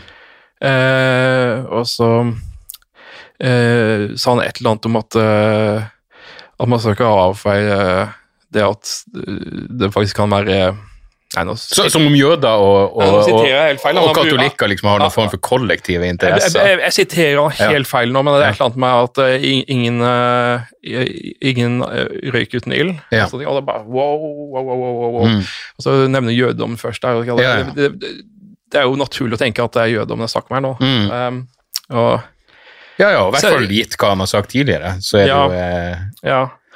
Nei, så Det er jo helt grotesk. Ja. Uh, og så har jo den der uh, Herzberg Næss, der han uh, sier at det, det er ikke urimelig å tenke på jøder som en stat i staten. Eh, og, og det er bare altså, husker- jeg husker hvilken som helst sunn redaktør hadde luka ut sånn bullshit som det der. det, Jeg husker jo, jeg lurer faen meg på om det var godeste John Mersheimer som kom med en sånn Israel Lobby-bok eh, Mm. ja. Mm. i 2006 eller 2007. Eh, Først en artikkel, da, men som ikke Det går an å skrive om Israel-lobbyen uten å ha noen sånne eh, mørke undertoner. Ja, det er det som er jævlig frustrerende. Da, for Ja. jeg, man må hele tiden altså, jeg, jeg, jeg prøver å si jeg, jeg har ikke- Israel-kritikk er helt legitimt. Ja, ja. Eh, og spesielt nå, for Mm. faen. sant? Eh, Israel-kritikk er sunt, og Israel som krigførende nasjon osv. Det, det må jo få kritikk, hvis ikke så er det Men altså, så Derfor er det et problem da, når folk ikke greier å holde seg fra å dra det ut i ren Mm. antisemittisme. Yep. Uh, altså, jeg, jeg dypt bekymra for antisemittisme, spesielt etter det med Kanye og, og han der, en eller annen basketspiller eller sånne ting. Ja. Hvordan de på en måte kasta det inn i mainstream igjen. Mm. Eh, og folk har fått en liten sans for det. ja. Eh, og, og, og jeg er meg for altså, altså Antisemittisme det, det er jo det er en grunn til at folk blir så bekymra for det. For det, antisemittisme er litt annerledes enn vanlig rasisme. Mm. Eh, tar du en høyreekstrem eh, skinhead eller nazi eller hva du vil, eh, og hvordan han ser på eh, f.eks. afrikanere eller asiater og sånne ting, så, så er det ofte som, som en sånn slags eh, undermenneske, ikke sant? Men sikkert si at de styrer media. Ja, men det, det er sånn der en horde som kommer og mm. føder oss ut av eksistens. Men hvem er det som åpner slusen for den horden? Det er jøden. Ofte, De er bestandig i bakgrunnen. ofte omtalt i entall. Jøden. Ja, ja, ja. Eh, og så antisemittisme har en uh, litt annen på en måte konsekvens. Eh, for det, George Soros er blitt en sånn stand-in for å bare si jødene. Ja, ja, ikke sant. Det, det, og det, er- jo, han er jo perfekt for det. Uh, og og Iallfall hvis du ikke har lyst til å gå helt inn i eh, clean antisemittisme ennå, mm. men vil ha en sånn jødekarakter som forpurrer og slenger, inn, slenger ut snubletråder for deg hvor enn du går. For en hvite mann og for en vestlig mann. Og, ja. Eh, og, og Soros har jo sikkert gjort mye dritt, han. Eh, jeg tror ikke du blir så rik som Soros uten å ha liksom ødelagt Det må være noe folk. dritt på. Ja, knust noen egg. Men altså, de tilskriver jo helt sånne der absurde magiske evner. da. Mm. Og ja, ja, Hvis du er veldig styrtrik som han er, så, så har du sikkert noe sånn der, eh, makt til å få ting, noen ting gjort. og sånne ting, Men altså, det, de greiene som blir tilskrevet til Soros, er jo helt eh, groteske. Mm. Og, og så på, i den tradisjonen med antisemittisme. da. Mm. Eh, og, og hvordan han skal på en måte eh, styre nasjonenes gang for å på en måte oppnå sin egen sånn der, eh, endepunkt. da. Mm. Sette folk opp mot hverandre, importere stemme, stemmekveg og sånne ting. Det er liksom og I Ungarn så ser jeg jo her gå i full blomst. Ja, ja. Der er det jo, der er det jo propagandaplakater mot han på gaten og sånne ting. Det er jo sånne helt groteske greier. Mm. Um, så ja, det, det, det antisemittisme skremmer meg veldig, for det, det pleier jo liksom, når den kommer tilbake igjen, så pleier det å være et eller annet i kulturen som er på en måte gått litt på tverke. da. Mm. Det er noe som på en måte trigger en sånn her paranoid greie i den kollektive psyken. Mm. Ja. Eh, Så antisemittisme det burde man være veldig var på. Absolutt. For den har et eller annet ved seg som øh, altså Når den kommer tilbake, så pleier det å komme tilbake noen ganske stygge ting. Mm. Så, så, så jeg er litt redd for det som skjer nå, og liksom, til og med Trump lefler med det. Eh, og når til og med liksom, den nye, mer eller mindre kosher-fascistiske regjeringa i Israel da, Mm. på en måte går god for antisemittiske krefter som Urban og, og sånne Mm. ting, eh, da, da er det noe galt der. Ja. Altså, Liberale jøder det følger en del av de på Twitter, og de, de frustreres veldig nå. Mm. Altså, det, Men det, det er jo et argument som jeg bestandig har veldig mye sympati for, med de som sier at eh, ja, eh, israelske myndigheter, okkupasjonsmakt, hjelper ikke eh, problemet når de hele tida likestiller det de gjør med et jødisk prosjekt, og hele tida prater om de jødiske folk, og Mm. som, om, som om det ikke er snakk om ei lita gruppe, gruppe, Mm. jøder, uten å gå inn i noe større debatt om, eh, om det som foregår der. nei, altså, Jeg pleier å se meg selv som relativt at- agnostisk når det kommer til Israel-Palestina. Ikke at jeg ikke har synspunkter, men altså, jeg kjenner folk på begge parter av konflikten. si. Altså Folk som faktisk må leve med konflikten. Og en ting altså er øh, helt forståelig hvordan eh, Palestina på en måte blir seigpint inni, og, og på en måte sakene sikkert på en Ja. måte dytta bort. Ta, eller? ta over det Ja. som finnes av land som, som har noen form for ressurser og verdi, Og- og, og så så- kan du så- ikke beholde resten. Og så veier jeg liksom opp mot min forståelse for hvorfor Israel ble skapt. Ja. Og, og den derre altså holocaust som er så eh, Som vi på en måte Som bare er blitt et ord i dag, men som hvis man først begynner å prøve å tenke over det, er så helt grusomt Mm. at du Du nesten blir frista til å bli litt sånn eh, full on eh, Israel-tilhenger sjøl, liksom bare for å tenke at Gi de for faen Mm. et sted de kan være i fred. Men de blir, ja. Så jeg, ser på eh, Konflikten er kompleks, ehm, og, jeg, jeg gidder ikke liksom å gå gung-ho inn i eh, noen av delene. Jeg vil si jeg har sånn eh, bakgrunn fra sånn eh, ganske ytterste, altså langt forbi eh, eh, til venstre for altså Kommunisme har jeg aldri hatt noe et, et fint ord å si om, men mer sånn anarkisme og den type På vens, eh, venstresideanarkisme, da, så var det nesten påfallende Det er en selvfølge at du, du, du måtte kunne grunnlegge om det som Israel-Palestina-konflikt, og selvfølgelig så skulle du være mest mulig ensidig, Mm. alt det der. Og det, det sitter nok litt jeg, jeg, Det er så mye jeg har eh, liksom måttet revurdert revurdert ettersom jeg har eh, blitt litt mer eh, ideologisk fri. Eh, Ja. mye jeg må gå igjennom på nytt og være sånn Ja, vet jeg faktisk? Jeg husker til og med eh, jeg vet ikke om du husker Etter Irak-krigen så var det de å kaste, altså det var et etablert tall at det var en million sivile irakere. så var det pga. en Lancet-studie.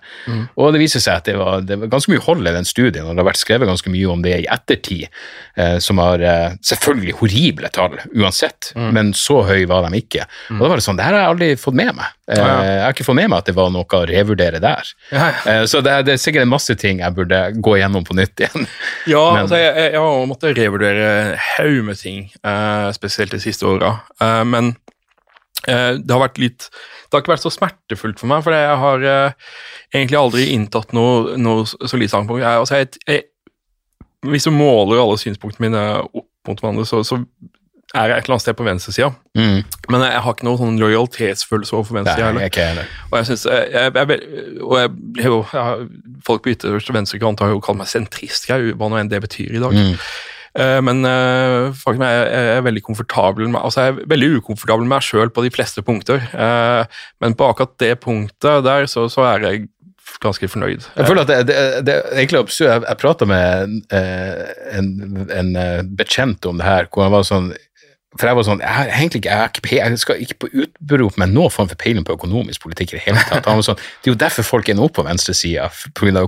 synspunkt på økonomi. Jeg, vet, jeg, jeg, vet jeg vet ikke en dritt om det. Jeg var nok bare mest mer enn noe sånn eh, anti-amerikansk utenrikspolitikk og veldig inn i den Chomsky-måten å se verden på. Jeg syns fortsatt han har eh, ting som kan eh, eh, kan ha interessante ting å tilføre samtalene, så ser jeg jo samtidig de enorme holdene eh, bare, ja, Chomsky vis-à-vis eh, Ukraina, hvor han liksom, ja da, han går ut og sier at det her er kriminelt på linje med, med Hitler, men samtidig ekstrem godvilje til å prøve å forstå hvorfor det her skjedde, og, og, og er så fleksibel i moralen på en måte som han aldri ville vært med sitt eget land. Eh, så, så, så det er jo noe i det der at det, man må, må vel bare innse det, det, man skal ikke ha noe helter.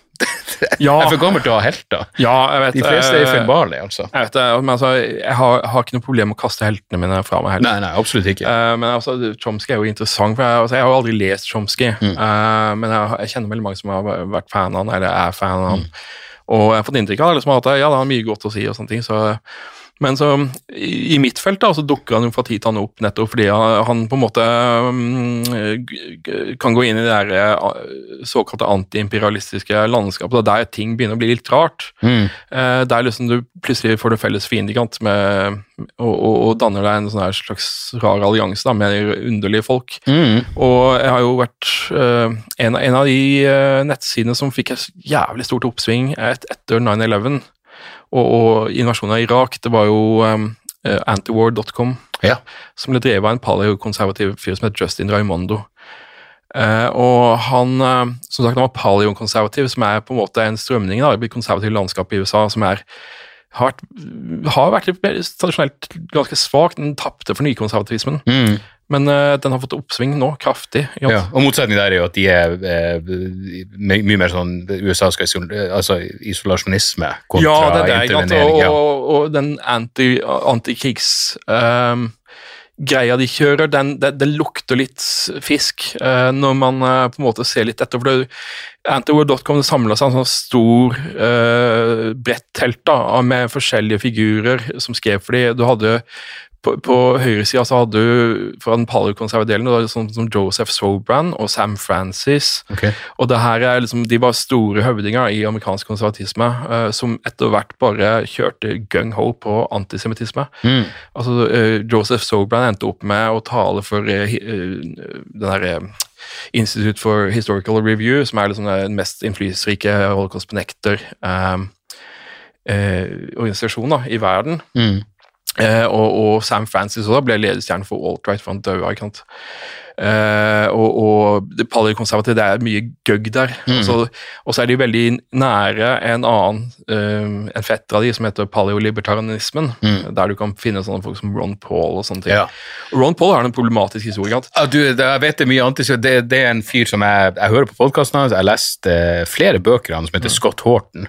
Eh, og han, eh, han har skrevet en bok som heter Enough Already, som handler om å la oss få slutt på krig mot terror, hvor jeg kan stille meg bak absolutt alt han sier. Samtidig han har skrevet en bok eh, mot, eller en samling intervju som handler om at som heter Hotter than the Sun, som handler om galskapen med at man fortsatt har atomvåpen. Men, eh, men, men, så jeg kan være sånn, jeg er helt på vi, vi er i synk akkurat der. Og så har han også en bok som heter The Ron Paul Reader, eller et eller annet. Han, han, jeg tror han ser på han som det, det mest uh, underbare, liksom det, det mest fantastiske politiske fenomenet som noen gang har eksistert. Ja. Og Ron Paul er vel en som sa at hvis noen dør fordi de ikke har helseforsikring, så er det en hyllest til vår frihet. Altså det er, og, da, og igjen, da blir jeg sånn Jesus Christ, det blir jo sånn som noen av de gjestene jeg kritiserer Wolfgang for å ha. Hvor jeg er sånn, Hvordan kan du ta han seriøst om økonomi hvis han benekter holocaust? Og så blir det sånn, ja, Ja. kanskje jeg burde se litt, på, litt dypere inn på Scott Horton som det kilder også, egentlig. Men, men øh, jo, og, og, og eh, Jo, Ron Paul Det er faktisk noe jeg pleier å glemme i å si i intervjuer. At, eh, Og Rand Paul, sønnen hans, er jo fortsatt still going strong, Ja. og en stemme i ja, er jo partiet. han er ikke så stort bedre, kan si. Men, eh, Ja. men Ron Paul-revolusjonen, det som skjedde, Mm. var først det var vel 2008, 2000, og så 2000 og, Ja, Det må ha vært 12 da, rundt det, 2012, ja. ja. Mm. Eh, Det var jo også på en måte noe som bidro til alt-right-bevegelsen. Det var veldig mange, altså Ron Paul var presidentkandidaten til de som hang på Stormfront, det der naziforumet og sånne Ah, ting. ja, ja. Så, altså, han har jo sånn, sine røtter i sånn ganske paranoid venstre... Ja, det var noe, nei, det en news, et newsletter hvor det en newsletter, kom ja, med frem, rasismen og sånt. Ja, ja. Og så jeg skrev jo her forleden så skrev jeg om en artikkel om, om eh, G. Edward Griffin, uh, sånn eh, konspiranoid fyr sånn, som skrev en bok om Federal Reserve som jeg ble veldig innflytelsesrik. Blant annet Hans Eike Olav, som var Jesus Mm. Ja. Wolfgang Wie. Mm. Han holocaustbenekteren. Eh, og eh, den boka om Fed uh, It Came From Jekyll Island, den er The Creature from Jekyll Island, eh, det, det er en bok om The Federal Reserve som er den største og mest tyranniske institusjonen som ble lagd noensinne. Det er jo egentlig sentralbanksystemet. Ja. Eh, og den er, den er Jeg blir flittig eh, promotert da, av Ron Paul, som skrev en blurb på forsida, og, og som er på en sånn leseliste da, over de mest eh, bøkene man lese, og så var den der. og sånne ting. Ja. Så det er, det er, han, ute i det libertarianske stekeskapet, der finner du mye rart. altså. Ja. Eh, og ja. Men jo, som sagt, uh, antiword.com det samla seg sånn Ja. i Ron Paul-området og paleokonservative, men også uh, Noam Chomsky Mm. uh, og Mearsheimer Ja. uh, og, og de folka. Og så var det Utrolig merkelig synergi liksom, av ytterste venstre og ytterste høyre Ja. som kommer sammen med et og, felles Så Sist gang jeg, jeg var inne og sjekka antiword.com for å sjekke om det faktisk eksisterte ennå, etter at Justin Raimondo døde, mm. eh, så, så var det jo sånn derre eh, både Chomsky og Mearsheimer har skrevet noe greier. Sånn, les antover.com. Ja. Uh, og, og det var liksom en sånn der header over nettsida der du så Chomsky. sånn. Mm. Og, og det her er en allianse som hele tida dukker opp, uh, og det er en allianse du ser f.eks. i den her eh, Rage Against the War Machine-demonstrasjonen som var i, i Washington DC, Mm. som ble arrangert av en del libertarianere og sånne ting.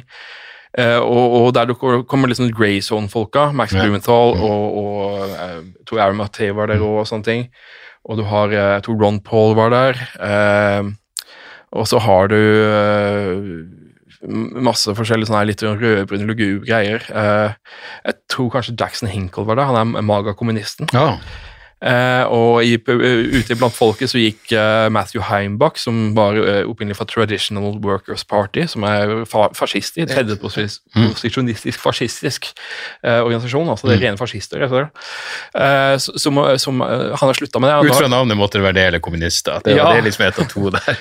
han, han, han forlot på en måte off, off, offisielt fascismen, da. Mm. eh, men, eh, og han brukte en sånn antiradikaliseringsorganisasjon eh, til å liksom gi han en sånn det er noe lys av kredibilitet. Og han sa nå eh, mot kapitalismen og alle rasker lever leve i fred, men ja, fremdeles mot sionismen. Og da Ja. vet du hva han mener. Ja, Og så viser det at han faktisk har brukt Light Upon Light-organisasjonen som springbrett for å lansere sin nye ekstremisme, som er ren dogenisme. Han er jo tilhenger av dogen. Mm, Mm, mm. Eh, så, så han er, eh, har fått med seg noe, annet en fyr som pleide å være med i en atomwaffen-division, affiliert gruppe som heter Rape-waffen. Ja. Det, her var, altså, det var sånn rødbrun lapskaus som samla seg i den der greia. Og, og så hadde du Chris Hedges, en gammel Herregud, som akkurat, som akkurat var i Norge. Ja, i forbindelse med Hedges, Julian han er jo gammel eh, helt. Uh, Kristen uh, ikke, jeg vet ikke, han er Langt ute på venstresida, Mm. men også kristen. ja, og, og, men han Uh, har jo gjort det her rødbrune alliansen ganske sånn håndfast. Da, for han, har- oh, ja, okay. han har faktisk foreslått en allianse med ytre høyre. Ah. Han, uh, han ser ikke at det, at det har vært noe problem med det i tidligere historien. Eh, Går det an å forsvare det ut ifra et sånt her- Hvis du har et konkret mål Jeg, jeg kunne sett for meg Jeg var jo eh, litt involvert i sånn antikrigs rundt Irak-krigen 2003. Um, og jeg, ku- jeg kunne sett for meg sånn, ja, hva enn som skal til for å få flere folk ut i gaten til å si fra, og har du noe til felles med Ja, men det, det er bensærende tanke, Ja. ikke sant? Ja Eh, men tingen at eh, radikale venstresida da, de er litt misunnelige på den radikale høyresida. For det er at det er radikale venstresida i alle år har pratet om revolusjon, så greier det faktisk bare høyresida bare å booste inn og, og Ja. komme iallfall nærme. Mm. Eh, og, og jeg har jo fått noen spørsmål da, fra diverse folk på venstresida. Sånn der, jeg merker at de er litt sånn der, de, de vil gjerne høste litt av den sinte unge menn-energien, de òg. Ja.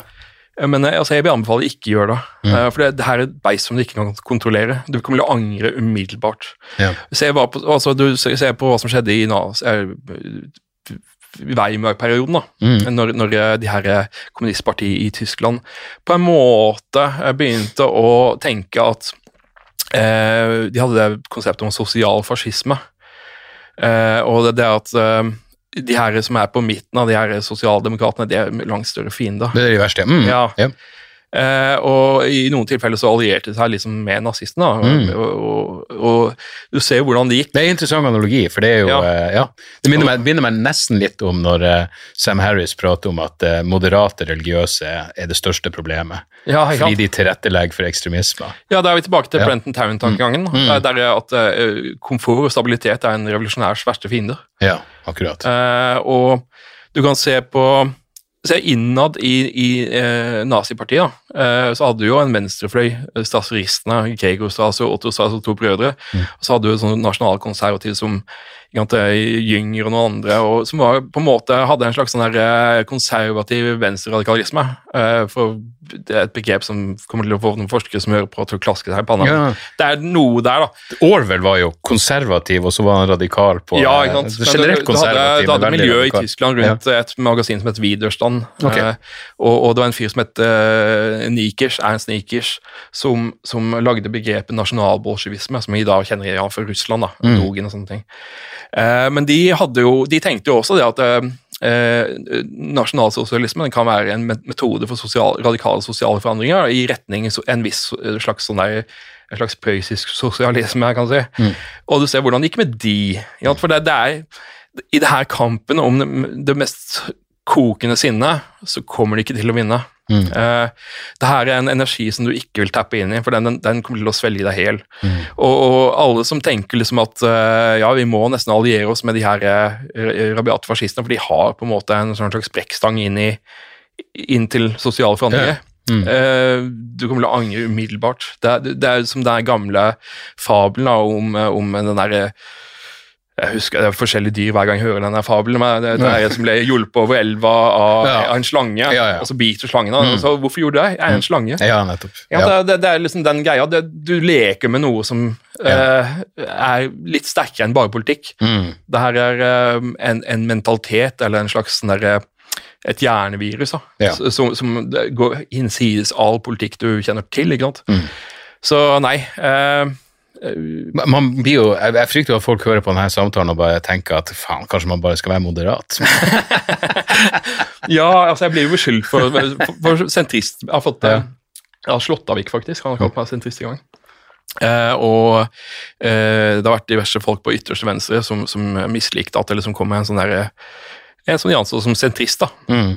Eller moderat, og, og, og liksom på en måte gikk seg inn på deres felt. Mm. Uh, så, så jeg har fått den derre Men men faktum er at jeg, jeg har ikke noen sånn derre solid politisk standpunkt, egentlig, men jeg vil at politikk skal bli kjedelig igjen. Mm. For da kan jeg begynne å ha det gøy igjen. Altså, jeg, Absolutt. den der, Husker du det de sa om Trump, at et av tegnene på at du lever i et totalitært Jeg husker noen påpekte at et av tegnene på at du lever i et totalitært samfunn, er at du hele tida du blir tvungen til å forholde deg til lederen. ja, ja, ja. Eh, og det, det er jævlig mye i det, altså. Det er det. Fordi Si hva du vil om Biden, men hvem tenker på Biden? Du hører om han kanskje tre ganger i året. Ja, eh, og, og det er jo egentlig deilig for en president, men samtidig så er det farlig. For Mm. Ja, det- det. Trump greier jo liksom å kapre hele den plassen hele tida. Mm. Og, og det er jo, da, da switcher man om fra en sånn her politisk mentalitet over til noe sånn her, noe litt styggere og rare og kultisk og, og noe som Ja. Ja, det er personlighetskult, åpenbart. Ja, Men, eh, definitivt. Ja. Så, eh, ja. Det, det, det er jo ø, det er jo sånn man ser i politikk nå. altså Folk har gjort det til en slags rar, bisarr fotballkamp. da, her, Mm. som, som tydeligvis dreier seg om liv og død. Ja. Eh, og eh, jeg, har- sett Uten at jeg helt klarer å forstå hva det er man eh, skal dø for. Nei. Jeg, jeg, jeg, jeg er skjønner ikke altså, Som med Trump så er det iallfall uforståelig, for altså, han har jo ikke Hvis man ser på presidentgjerninga, så er det ikke noe eksepsjonelt der. Nei, nei, absolutt ikke. Eh, annet enn å på en måte koke opp kaos. Ja, Altså, husker det, altså, Men det, det er jo der Bannon kommer inn. Det var en, uh, lurer på om han er en svenske som skrev veldig faen, eh, Han skrev en bra bok om Bannon, og da, der er liksom, det er da jeg får litt frysninger, når du har noen som er intelligent og gjennomtenkt, og vet hva de vil, og egentlig bare vil brenne ned hele faenskapet. Ja, ja, ja. Det er det du tenker på, han er eh, Benjamin Teiteltaub. Ja, for faen, stemmer. Ja, han, er, han er ikke svensk, han er, men han jobber i Sverige. Oh, ja, okay, okay, Eh, han har skrevet en bok som heter Lions of the North, som om, om, eh, om nordisk uh, nazimusikk. Oh, ja, ok. Så, så han er flink, så vidt jeg men han har hatt noen rare utspill òg. Ja, okay. Dermed må du må forstå den nordiske motstandsbevegelsen og sånne ting. Ja, Altså, han kommer fra en jøde, liksom. ja. Og det Ja. Nei, du, jeg, jeg så på, vi skal begynne å rappe opp, men jeg, jeg så bare på, sånn raskt på den messenger-tråden som jeg har med deg, og det er jo åpenbart, du er en av de få her, ja, du er den eneste jeg kjenner som er så her nerdete på de her tingene.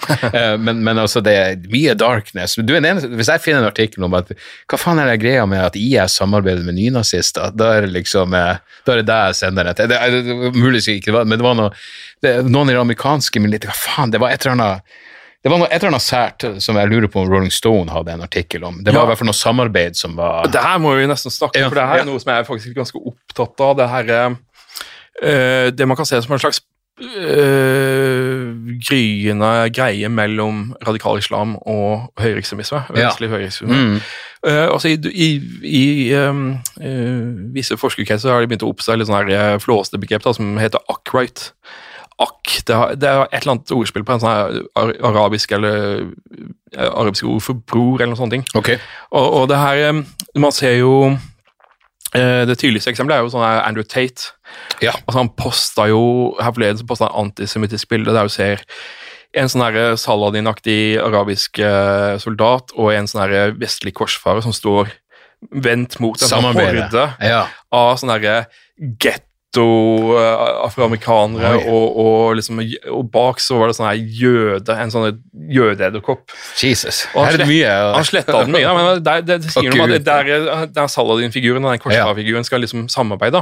Nei, men det er snakk om vår, vår fiendes fiende. Andrew Tate har blitt god buddy med en fyr som heter Mohammed Hijab. Eh, som er en britisk influenser. Han er svær, faktisk. Ja. Uh, som legger ut video på YouTube. Helt, han er veldig sånn der uh, Generisk navn, vil jeg si. Ja, jeg okay. I noen videoer så står han faktisk på speaker corner og skriker. Liksom. Ja. Den, den type figur. Men han, han er svær fyr. Mm. Jeg tror han er tidligere bokser, til og med. Eh, Radikal uh, muslim. Jeg vet ikke kalle han islamist, jeg vet ikke, om han er på, jeg vet ikke hvor han er der, men han, han har begynt å liksom bable liksom hele red pill-greiene. Mm. Uh, og, og begynt å liksom, Han raljerer mot feminisme og sånne ting, og homofili og sånne ting. Men han er også veldig imot sånn der critical race theory og sånne ting. Ja. Uh, og han har som sagt blitt god venn med, med Andrew Tate da, og hatt ham som gjest og sånne ting. Og, og han tilhører det Ackwright-landskapet. Eh, og interessante der, da, altså mange av de her eh, videoene til Mohammed Hijab de blir, de blir starter med en reklame for Islamnett i Norge. Oi. For han er ivrig promotør av de. Han har vært på besøk her i Norge flere ganger, Okay. og blant annet havnet i krangel med Lars Thorsen eh, fra Sian. Ja. Du, du får en sånn eh, bisart ideologisk okay. landskap her. Når Ja. Lars Thorsen, du syns nesten synd på ham. Ja, ja. For de som står der, er faktisk litt hakket mer eh, Jeg vet ikke om de er hakket mer radikale, jeg vet ikke. Jeg har, jeg, altså, problemet mitt da, Jeg har blitt interessert i det fenomenet nylig, Mm. eh, men jeg kan ikke kulturen. altså Jeg har ikke peiling på islam, Nei. så jeg, jeg har liksom ikke noen sånn eh, holdepunkter der. Mm. Men jeg, jeg syns iallfall interessant, for det, det er jo noe som oppstår fra tid til annen. Altså, Gamle Nazi-Tyskland hadde jo noen vennskapsbånd til, til eh, muslimske ledere nede i Midtøsten Ja. og sånne ting. Mm. Eh, Muftiene i Jerusalem og sånne ting. Og, og det er jo én ting. Og så etter krigen da, så var det mange nazister som rømte nettopp til Egypt og sånne ting. ja. Eh, Ikke bare Sør-Amerika. det Ja. fort, ja. Eh, Men det var mange som forsvant til muslimske verden nå, Ja. og noen som konverterte og hele pakka. Oi. Eh, fordi de så visse likhetstrekk i hele greia, og synet på jøder er jo selvfølgelig en ting. Ja, ja, selvfølgelig. Eh, men så har du jo sånne eh, De her mest ekstreme av terrorgruppene som har vært i, da, det er Atomwaffen Division og de her Mm. isolasjonistene, og de har jo ofte posta sin bin Laden-memer og Ja. IS-memer, og de, det var de som begynte å posere med pekefingeren opp av, av de naziene, da. noe som vi egentlig forbinder med IS. Den Ja. pekefingeren opp. Mm. Gud er den eneste, eller et eller annet sånt. Ja. Eh, og, og det er noe som Nick Fuentes har gått videre Mm. American First-bevegelsen har pekefingeren opp. ja. Eh, og Nick Fuentes satt jo og knegga og lo da eh, amerikanere forsvant fra Afghanistan, og Taliban bare rusha inn og tok over. Ja, akkurat. Og, og, og han sa jo sånn at det er de vi burde støtte, de som er based. Mm. Er based, er- hva det betyr igjen? At du er den ekte? Du er based ja, ja, altså du kan si det, det er kult, det er edgy, det er spesielt Ja, okay. flott. Ja. Og det, det kommer jo egentlig fra en rappsang eller annen moderne hiphop. Jeg hører ikke på moderne hiphop. Så. Men uh, det, det ble en sånn ironisk sånn der, uh, eh, slang da, blant Mm. uh, sånn 4chan og sånne ting. Og så nå er det sånn der uh, alt-right og sånne ting. Altså, hvis, du, hvis du gjør noe som er jævlig kult i de seriene, så er det based. Og her i Norge så bruker de basert. eh, Det, det, det er sprøtt hvor jeg mener, Fullt forståelig, men helvete hvor online alt det greiene er. Ja, ja, ja. Jeg, husker jeg, jeg leste en bok som heter uh, Det digitale kalifatet, eller noe sånt, om bare IS, hvor jævla mye av det som var online. Ja, de, de satte standarden. altså når de du vil tilbake til 700-tallet, men Når allikevel IS så- begynte med sånne der henrettelsesvideo henrettelsesvideoer som var sånn perfekt lyssatt Ja, ja. og redigert Mm. og liksom stemningsfull og sånne ting, da skjønte du at gamet hadde liksom forandra Ja. seg. da. Mm. Og, og, og du ser jo Det var langt fra det Richard Pearl, eller hva han het, han som bare Ja, ikke sant? det var litt mer primitivt. Sant? Eh, og, men, men uh, så begynner ikke sånn derre uh, Atomwaffen Division og de her eh, terrorgruppene her, de begynner å lage ganske sånne raffe propagandavideoer, de òg. Ok. Eh, i alle fall, altså De kan se litt primitive ut, men, men de funker veldig godt til deres formål. Men, men det er ikke drapsvideoer?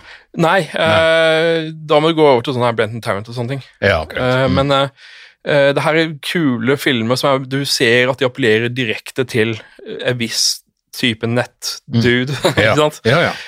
Og og, og de, de gjør det med et kult soundtrack som ikke er Ikke nødvendigvis sånn der døv eh, Klassisk skinhead oi-rock som liksom pleide å akkompagnere det før. Mm.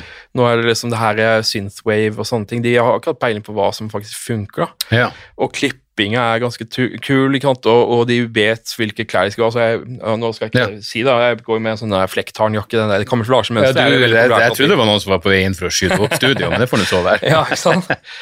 Men også, også er det hele den der altså det, har- jo en egen estetikk som de kaller for terror wave. Ok. Eh, det er liksom eh, dyrkinga av liksom eh, geriljasoldaten og terroristen. og De bruker mye sånne videoklipp fra Ulster og sånne under the Troubles i Nord-Irland. og sånne Ja, ja. ting. Eh, er, og, og en del av uniformen liksom Adidas-bukser og Mm. en sliten finlandshette og en kamuflasjejakke og sånne ting. Ja. Uh, og og det, det er veldig fikst. Uh, altså, det her er en hel generasjon som ikke har vært i nærheten av krig engang, som Nei. og, da og liksom lefler med tanken da, på å være en sånn eh, geriljakrig eller noe sånt. Mm. Konflikt og lukten av eksplosjon og brent kjøtt og hele pakka. ja. Det var, det var interessant. Du skrev jo noe om før eh, to Herregud, tre år før invasjonen av Ukraina, så skrev jo du noe om, hvis jeg husker rett, en nordmann som var med i Azov-bataljonen. ja, ja. Eh, som, det var Joakim Furuholm. ja, stemmer. Eh, jeg har hørt rykter Jeg bare tenkte på når du sier at de har lyst til å leke krig, men noen tar det jo til det punktet hvor de Ja, hvis du ser på intervjuet som han gjorde med en eller annen sånn britisk journalist der nede, så, så han sa jo han måtte forlate kjedelige Norge da, for å, for å oppleve den krigens rus. Ja. Så det var en sånn her Ernst Jünger-impuls i Hanna, kan du si. ja. Eh, krig som en sånn rensende eh, b- personlig prosjekt, sånn der selvhjelpsprosjekt. Selvhjelpsprosjekt, ja, nettopp. Uh, og han har, jeg tror han har forlatt bevegelsen, da. Ja. Eh, det siste jeg har hørt, men jeg vet ikke. Eh, så han, ja, han har sagt nei til for å joine ASOV. Og så jeg er jo den siste og liksom Altså, jeg, jeg kan ikke fordra når folk skal eh, på ytterste venstre lytte ytterste høyre begynne å mase om ukrainske nazister, men jeg, Mm. Altså, jeg var jo en av de som skrev om ukrainske nazister, eller alle de som var tiltok til Ja, ja. Altså, Det er jo, nettopp atomvåpendition og de folka. ja. Uh, så, og, så den der uh, greia om at ingen nevner ukrainske nazister, jo, det har vi gjort hele ja tida. det, det var det Det som vi fikk som takk da, fra ytterste norske venstreside, var at det, de påstår jeg skrev om fantasifostre. Det, det er jo Ja, okay. litt bisart. Ja. Men Nei, ja. jeg har en vits om at hvis jeg var i krig og det kom nazister for å kjempe på min side, så fucking slå dere løs. Hvis vi skyter på de samme folkene. Men Ja. igjen, det går jo litt på det vi har sagt tidligere. Ja, det, det blir jo en annen Det blir en ekstrem situasjon jeg er med i nå, mm. men, men, men, eh, men det blir jo et så det, det er utrolig særlig i USA, liksom bare det jeg ser på Twitter, hvor lett det er å, å overfokusere på, eh, på eh, høyreekstreme i Ukraina, som om, som om Det det ikke er flere over grensa. ja, det, det som skjedde i Ukraina i 2014, var da når, når, de faktisk ble invadert. da. Mm. Eh, tenker du på eh, Krim, da, de tok Ja, ja, Krim og, og og, hele pakka der. Det, altså Ukraina endte opp i en desperat situasjon, og så har du en sånn bataljon som samles sammen av fotballhooligans, som Mm. en god del av de er nynazister. Ganske jævlig også, Ja, ja. Eh, og, og som faktisk utpek, eh, blir helter da, for når de frigjør Mariupol, om jeg ikke husker feil. Ja. Eh, så Ukraina er i en ganske rar situasjon. da. De kan ikke si nei til krigere, faktisk. Og, og iallfall ikke flinke Nei, nei, nei, selvfølgelig. Ikke minst det akkurat det. Ja. Ja. Flinke folk. Men så, så, så Azov-bataljonen, bataljon, da, som den da het, uh, den fikk en slags heltestatus i Ukraina. Men når de skal omgjøre den heltestatusen til politisk virke, når de danna eget politisk parti, det var uh, eh, Nasjonalkorps, Ja. Null oppslutning. Så, ja, så godt som null. Det var ingenting. Eh, så så det, det sier noe om liksom Og du, du så jo han eh, eh, Herregud, utover hva heter han som gikk med i den, eh, den lille flystyrten nå, eh, med Wagner-sjefen. Ja, Prigozjin? Ja, Ja. med fuckings eh, hakekorstatovering og greier. Ja, ja, ja, Så, nei, ja, jeg glemmer navnet hans, men ja, jo ja. Jeg har alltid syntes bildene hans er ganske komiske. der ser han altså så jævlig grim ut. Helvete heller, altså. Er du pedofil, eller det, det er så mye. Han, han kunne gjort hva som helst. Altså. Ja, ja, ja. Det, er, det er darkness. Men du, jeg, jeg må jo spørre deg eh, Hvor gammel er du? Jeg er 40. Du er 40, ja. Jeg blir, jeg blir 41 eh, neste måned. ja, fordi jeg lurer på eh, Jeg har jo merka med meg sjøl, i likhet med deg, eh, bestandig vært liksom interessert i mørkere ting, ekstreme ting. Eh, og etter hvert, liksom, når, når internett kom på banen eh, Vi nevnte den han, journalisten Pearl, het han vel, som ble henretta. Jeg så på de der tingene, og jeg husker det var jævlig mye greier som kom ut fra eh, Irak som var ganske forbanna grusomt. Og så mye opptak gjort av noen jihadister. Ja. Eh, men hvordan forholder du deg til For jeg har et inntrykk av at du ser de her videoene når det kommer ut noe faenskap. Eh, altså, jeg prøver å unngå det nå om dagen, men Ja. jeg har sett for mye av det. Mm. Eh, og For Poenget mitt var at det blir verre jo eldre jeg blir. ja, ja, faktisk. Det. for meg òg. Jeg, greier ikke distansere meg lenger. Men det, det som er eh, i, I begynnelsen, som, som alle andre, så, så var jeg liksom Det var fascinasjon. ja. Absolutt. Og jeg, jeg sånn der, eh, jeg, jeg kan forstå folk faktisk er nysgjerrig på døden, for vi lever i et festlig samfunn der døden blir skjult for oss Ja, ja. på alle mulige måter. Mm. Så ja, eh, sånn, impulsen å- på å se sånne ting, den, den er forståelig. Uh, men jeg, så, så kommer det Jeg husker det første gangen jeg fikk en sånn der tydelig reaksjon Vet den derre fæle, fæle Den isninga gjennom Det føles som isvann går gjennom kroppen din. Mm. Det var et, det var, Å, ja, ja. Ja. Du tenker på følelsen du får når du ser noe Ja, grusomt? ja. Ja, ja. Jeg husker første gang jeg fikk den, det var vel Jeg tror kanskje det var den der Nepopetrovsk-videoen fra Ukraina. og det, Før krigen, da. Ikke noe med krigen å gjøre. ja. Det var en gruppe med ungdommer som oh, bestemte seg for å gå på drapsraid. Å, fy faen. Og, Og, og, Drepe en uteligger og noe greier? eller? ja, og så de, de, de, de fange en eldre fyr på, som kjørte moped, og så tar den inn i skogen. Ut i gresset noe? Ja. Oh. Og den videoen ble jo øh, de- Den fikk en sånn der øh, Du vet den Two Girls One Cup-greia? Sånn, Ja, ja. Masse reaksjonsvideoer. Der ble jo øh, Three Guys One Hammer eller sånne ting. ja. Eh, og, og lydene derfra for Men faen. jeg husker det, det som jeg virkelig, virkelig ødela meg da Når jeg så den, det var på slutten, når de er ferdige, mer eller mindre, så, så, så smiler de med kamera. Og, og det var et eller annet som bare Ja. og, og, og så ser du tilbake på det ille til liket, da, som, Ja, ja. som ligger og lager milkshake-lyder. Uh, jeg skal ikke forklare hvorfor. V Vet du om de noen gang ble tatt? De ble tatt. De ble det, ja. De ble kalt uh, The Nepopetrovsk Maniacs. Eh, de, det var, ja. Det, de fordi, jeg minner meg på, fordi jeg, jeg husker første gangen jeg tenkte sånn jeg vet, jeg vet ikke om det her går lenger. Det var faktisk et opptak fra Irak, og, med noe så absurd som liksom, i, I forhold til mitt ståsted på krigen, er det noen jeg ikke føler sympati for, så er det jo Blackwater, Erik Prince Mm. sine privat.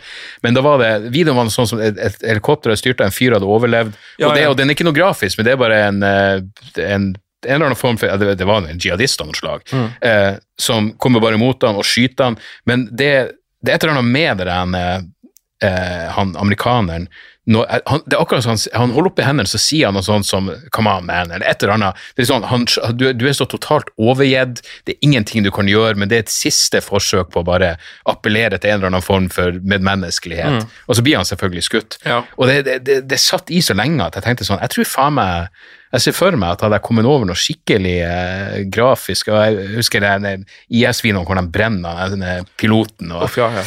det sånn, det, det, det setter seg såpass lenge at eh, jeg, jeg kan liksom ikke rettferdiggjøre. Og av og til ser jeg ting liksom, når det kommer noen greier fra Jeg hadde faktisk nesten en krangel med en kompis hvor han lurte på hvorfor jeg hadde sett Det, det, det kom noen sånne opptak fra Ukraina hvor det, det virkelig ser dataspillaktig ut, hvor de går i sånn skyttergrav. og Eh, og da var han sånn, hvorfor ser du det her? Og da måtte jeg bare si sånn, det, det er vanskelig å forklare, men det var nesten så jeg tenkte sånn, av og til så er det sunt med en påminnelse av at det her Ja, faktisk foregår det er det fortsatt. som gjør det litt uh, komplisert. Ja. Uh, for det, jeg har jo, Fra tid til annen så har jeg jo foredrag om, om høyreekstremisme og sånne ting.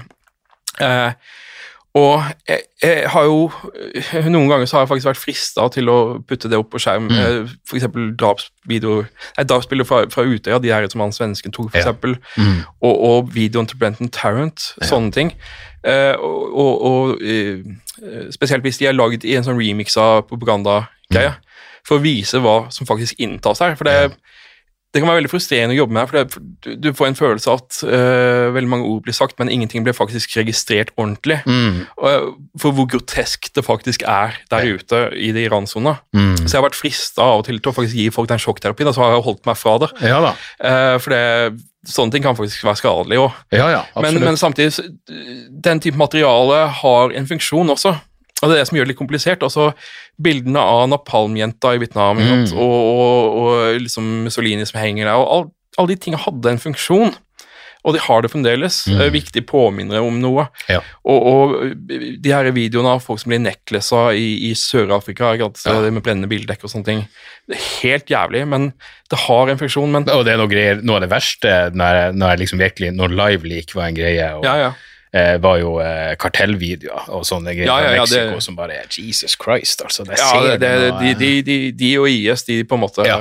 ja, det, ja, det var faktisk noen noe, liksom. noe, noe, likhetstrekk der, altså. Ja, ja, absolutt. De opererer på mange eh, like måter. Mm. Eh, det er det å spre frykt. De kan også spre eh, en sånn eh, ja, altså de, de skjønte veldig tidlig hvordan internett funka. Ja, ja er klart. Du, Hvordan skoleelever stimler seg rundt dataene. ja, ja. Mm. Eh, og så, ja, så jeg har vært, vært frista til å dele sånne ting. og eh, Av og til så har jeg bare lyst til å kyle i trynet på folk, for Mm. de, de forstår liksom ikke alvoret i det som skjer. Eh, men um, jeg holder meg litt uh, fra det, og jeg har begynt å på en måte prøve å unngå å se sånne materialer òg. ja.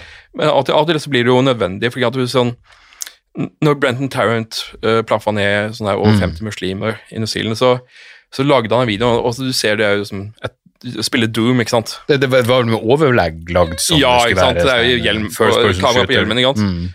Og i, Sånn ti- som eh, Mansa så prøvde å og i tillegg så kommer han med sånn diverse sånne her nikk mot uh, nettkulturen da, i videoen. ja. Starter, Mens han holdt på, liksom. ja, starter videoen med å, å si sub, 'subscribe to PewDiePie'. Mm. Eh, og, og um, Han Eh, er svensk. ja, Ja. og som er liksom med meg, så det blir sånn her eh, nikk mot trollepublikum. og, og, og, og i tillegg så begynner han å spille musikk i bilen. Og da spiller han sånn her eh, ganske bedrøvelig, jeg tror det er serbisk, eh, nesten ompaktig låt som ble spilt inn av noen sånne eh, serbiske soldater, som også var med meg, da, som heter Remove Kebab. ikke sant? Ok. Um, og når han eh, er i skyteraidet sitt, så går han tilbake til bilen sin for å hente patroner, da, da har soundtracket gått over til Fire av Arthur Brown, som ikke har nødvendigvis noen nettkultur.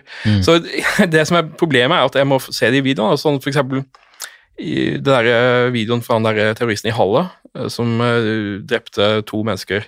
Prøvde å komme seg inn i synagoge, men drepte to folk på gata med sånne liksom sånn 3D-printa gønnere, blant annet. Oh, ja, vent, hvor var det her denne? Halle i Tyskland. Ja, akkurat. Mm. Og da, eh, på et punkt i videoen, så hører du fra bilen hans, da har han satt på en eh, låt som er laga av en incel, eller en i incel-landskapet som heter Egg White, en rapper, en sånn her, en rapplåt som heter Alec Minassian. Mm. Og da eh, så, sånne, sånne signaler da, som er på en måte en del av manifestet, eller hele, propagandapakka, det må jeg på en måte få med meg. Ja, selvfølgelig. Eh, for da kan du på en måte peile deg litt inn på landskapet osv. Så, Mm. og så, så da må jeg tvinge meg til å se det, og, og det, det, det er jævlig. Mm. Men uh, øh, det er en del av greia, så jeg har jo på en måte valgt det her. Jeg har ikke noe vei tilbake. jeg har ikke noe... Nei, nei, nei, nettopp. Så, men jeg, hva jeg skal gjøre for liksom pleie altså Jeg tenker jo en eller annen gang i fremtida som har en solid runde med noe psykologisk hjelp eller noe sånt. Mm. Men sånn i mellomtida så holder jeg meg liksom oppe med altså Jeg elsker jo hunder og dyr, øh, så jeg liker, liker å se og treffe de, og, og for det, da får du den derre det som kan skje da, når du, når du ser det absolutt jævligste av menneskelig oppførsel, Mm. det er jo at du, du for, for en stund så, så mister du rett og slett troen på menneskeheten. For at når det er faktisk er mulig, når helt, egentlig opprinnelig helt vanlige mennesker kan gjøre sånn, så er det liksom ikke noe håp. Nei. Og, og da hjelper det på en måte å, å utsette seg for, for liksom det beste, da, og for meg så er det å være med dyr, for de har liksom, de er vår uskyld, da. De er vår, de er vår de har de, de trekka som vi på en måte eh, burde hatt litt mer av, føler jeg. da. Men du mener du tem, temma dyr? Husliggjorte dyr? Ja, altså jeg skal ikke drive, skal ikke drive og liksom uh, gjøre naturen om til en sånn der, uh, en koseplass. Nei. Men altså, uh, ja, temmadyr men eh, bare, bare se dyr og, og, og kunne vite at det eksisterer, da, at det finnes noe fint der ute. Ja da. Bare Du setter ikke ned og sier Chimp Empire eller noe sånt. Nei, nei det er også, fy faen, det er mye groteske dyreverden òg. ja, ja.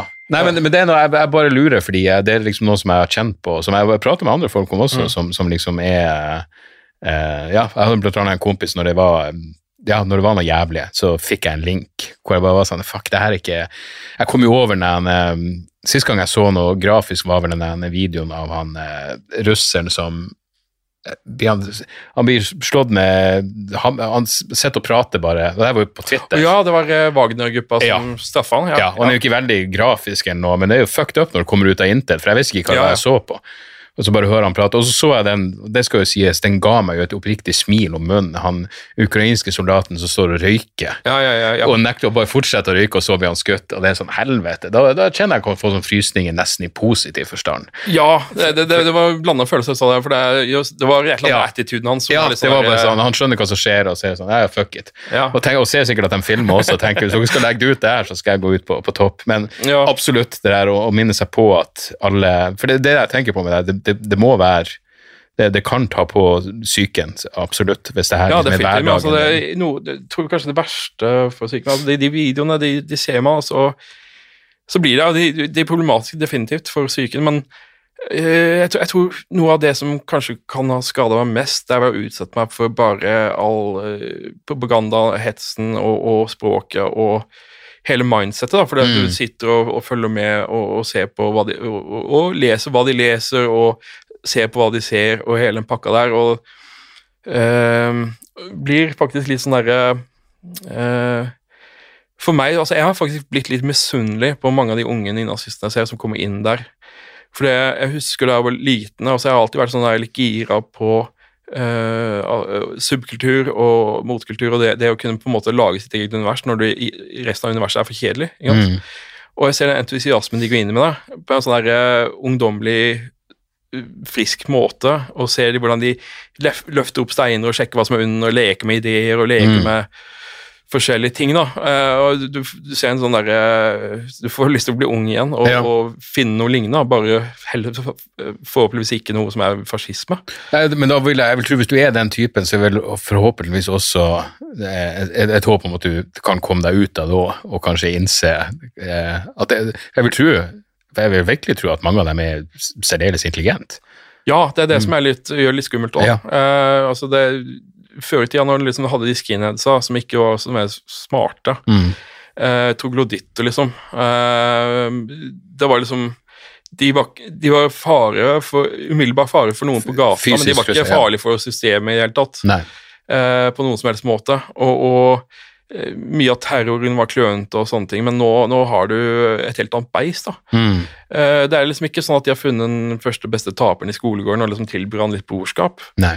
Selv om det selvfølgelig finnes det eh, ganske såra, skada sjeler som de også tillegger seg.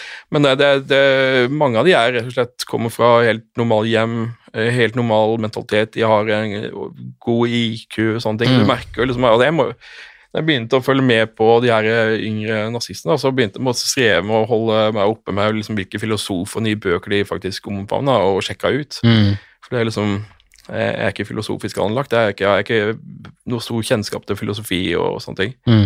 Så, så jeg, det var et svarestrev. Um, Ja. Men du, du har skrevet jeg tror noe av det mørkeste er Som sagt, jeg, jeg har en viss tiltrekning til darkness, Mm. men den greia du skrev i Morgenbladet om, om eh, de som driver og videresender ja. drapsvideoer til etterlatte, da tenker jeg sånn Da har du nådd, altså Ja. det, det slo meg nesten som absurd at det var på trykk i Morgenbladet, for det var så jævla Det var så jævlig mørkt. Og Ja, det- altså jeg strevde med faktisk noe jævlig med den, for jeg, måtte oppsøke en del ting som jeg hadde på en måte lagt bak meg. da, Ja. eh, før. Altså det første var jo, første, saken, første tilfellet jeg så av det, det var jo Nikki Katsuras i 2006 eller 2007. Altså liksom i internets internetts spede barndom. da. Fortran 4chan var jo involvert i den gangen òg. Mm. Hva var det? Var det bilulykke? Det var uh, Nikki Katsuras, som var en 17 år gammel jente som, som um, hadde liksom mentale problemer. da, hadde eh, var litt oppfarende og sånne ting, så en dag så hadde hun rappa farens Porsche Ja. og, og tok den ut og råkjørte, da, og endte opp i en sånn tollbod eh, og døde. Uh, og politiet som kom på åstedet, de tok jo bilder av liket, som er ganske ille tilrett. altså Kraniet har jo sprukket, og, og det liksom henger utafor bilen, og hjernen flyter ned. da. Eh, og de, noen av de politimennene som tok bilder, da, de, de sendte det som, som en slags grotesk spøk til venner og bekjente. Ja, det, Eh, det og da vet du hva som skjer, ikke sant? Ja, ja. Og så endte det opp med at liksom noen troll, da, eh, mener å huske at det var 4chan, eh, som sendte rett og slett bildene til, i, på, på mailen til familien. Mm. Og liksom eh, Hei, daddy, I'm still alive! Uh, yeah. Sånne ting. Yeah. Uh, og, og den dag i dag så må Katsuras-familien faktisk uh, de må unngå internett så mye som mulig. Mm. Og de er livredd for å åpne liksom eh, bilder fra fremmede, eller Mm. fil, eh, meldinger fra fremmede. Mm. For det er fremdeles folk som holder på. Og det her Jeg fikk jo sjokk første gang jeg så det skje, og det, det er veldig lenge siden nå. Men så begynte det å skje igjen og igjen, da. Eh, og um, det er jo tre eksempler jeg bruker i den artikkelen, og det er Nikki Kasuras først og fremst, og så er det eh, Jeg husker ikke andre, men i hvert fall det siste eksempelet er jo eh, Maren Uland og Mm. Louisa Vestdag Jespersen. Ja, er den, de, de eh, to de danske og norske som Ja. ble drept i Marokko. den hadde jeg vett nok til å unngå. Ja, det er det som er jeg, jeg skulle jo gjerne unngått den, jeg òg. Mm. Men problemet var jo at når, eh, når det begynte å komme ut eh, det at eh, de islamistene filma drapet, Mm. så fikk jeg skikkelig bange anelser. Da tenkte jeg tilbake på Katsuras og de andre. Mm. Eh, så da gikk jeg inn på Facebook-profilen til Maren Uland og Louisa og, og uh, sjekka i kommentarfeltene da, under uh, liksom de siste innleggene mm. deres, og der hadde jo ja, ok, veldig mange hadde begynt å, fra Marokko, da, tydeligvis, eh, Mhm. som hadde begynt å poste sånn her eh, 'Beklager, vi skammer oss over Mhm. hva landsmennene gjør', men det var også noen som hadde begynt å poste videoen. Mm. Eh, og jeg begynte jo å få panikk, eh, fordi jeg, eh, jeg prøvde å rapportere det, ingenting skjedde. Så prøvde jeg og på en måte eh, sende meldinger til folk jeg tenkte som kanskje kunne hjelpe. Hvem burde jeg henvende meg til, osv. Mm. ingen, ingen som faktisk visste hvordan Nei. denne videoen skulle fjernes. da. Mm. Og jeg begynte å få panikk, for jeg tenkte liksom, ok, nå er det bare spørsmål om tid før Ja, ja. slektninger faktisk ser det her faenskapet. Og det, Mm. det er sånn du ikke skal se. Ja. Den videoen er, den burde ikke eksistere. Mm. Eh, så jeg fikk litt panikk. Uh, det, det var helt jævlig å, å vite at de lå der, og så tenke på liksom, ok, poster du en brystvorte, så liksom, Ja, ja. slår de ned på det. Eh, men mens liksom det, det her måtte de faktisk sitte og ta en avgjørelse om det her faktisk var noe som ja. var verdt det. Selvfølgelig var den ikke verdt det. Det er, en ung jente som skriker etter mora si, mens Mm. de skjærer ho ho hodet av henne. Mm. Altså, det det altså hva, gjør, hva er det som har skjedd med oss? ja. Det her faktisk måtte, ikke, måtte, ikke, måtte ikke Erna som statsminister gå ut og, og oppfordre folk til å Jo da, slutte å dele og det videoen? måtte de gjøre Jeg tror de måtte gjøre det i Danmark òg. Mm. men altså, mora til Maren Uland hun har vært ute i avisa, og mora til Louisa Mm. De har vært ute og sagt at eh, de, de, folk prøver å sende den videoen.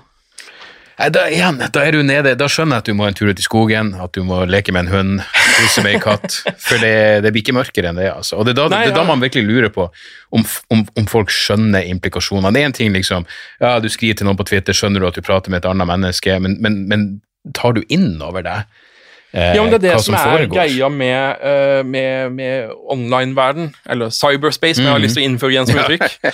uh, det er jo Al Gore cyberspace. Ja, det gjør et eller annet med mentaliteten vår. Og og det er ikke bare anonymiteten. Uh, altså anonymitet er selvfølgelig også et viktig redskap for å kunne gjøre uhyrlige ting. Mm. Uh, trolle folk, sende helt forferdelige meldinger og sånne ting. Men det er også et eller annet med det at vi har laga en slags sånn en slags annen verden der. En, en naboverden, en annen dimensjon, eller for å sitere Stranger Things, da, en sånn upside down. Mm. Eh, der, der vi lar vårt id uh, løpe fritt.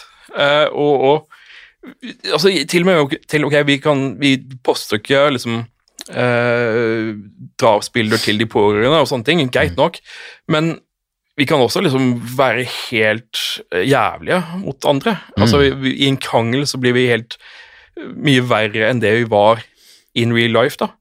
Og, og det, vi, på, det som er skummelt med internett, da, at det er liksom, vi har denne, det universet, det er upside down-universet, men vi har aldri tenkt over konsekvensene. Mm. Og jeg tenker liksom folk burde begynne liksom å ane liksom at det er noe rart som foregår her. da, Noe som gjør med hjernen vår. og sånn, Jeg husker når eh, Facebook lanserte Facebook Live, der du kunne livestreame. Mm. Og, og jeg husker de gjorde det med en sedvanlig sånn Silicon Valley-vaghet. sånn der, Nå forbrødring over landegrensene og sånne ting. Og sånn bilder av en sånn multikulturell venneflokk som smiler i kamera. Hele den pakka der. sant? Og jeg husker da, ja, jeg vet hva som kommer til å skje nå. Jeg vet hva som kommer til å skje. Og det, det tok ikke lang tid før du fikk en livestream av voldtekt i Sverige. Gjengvoldtekt.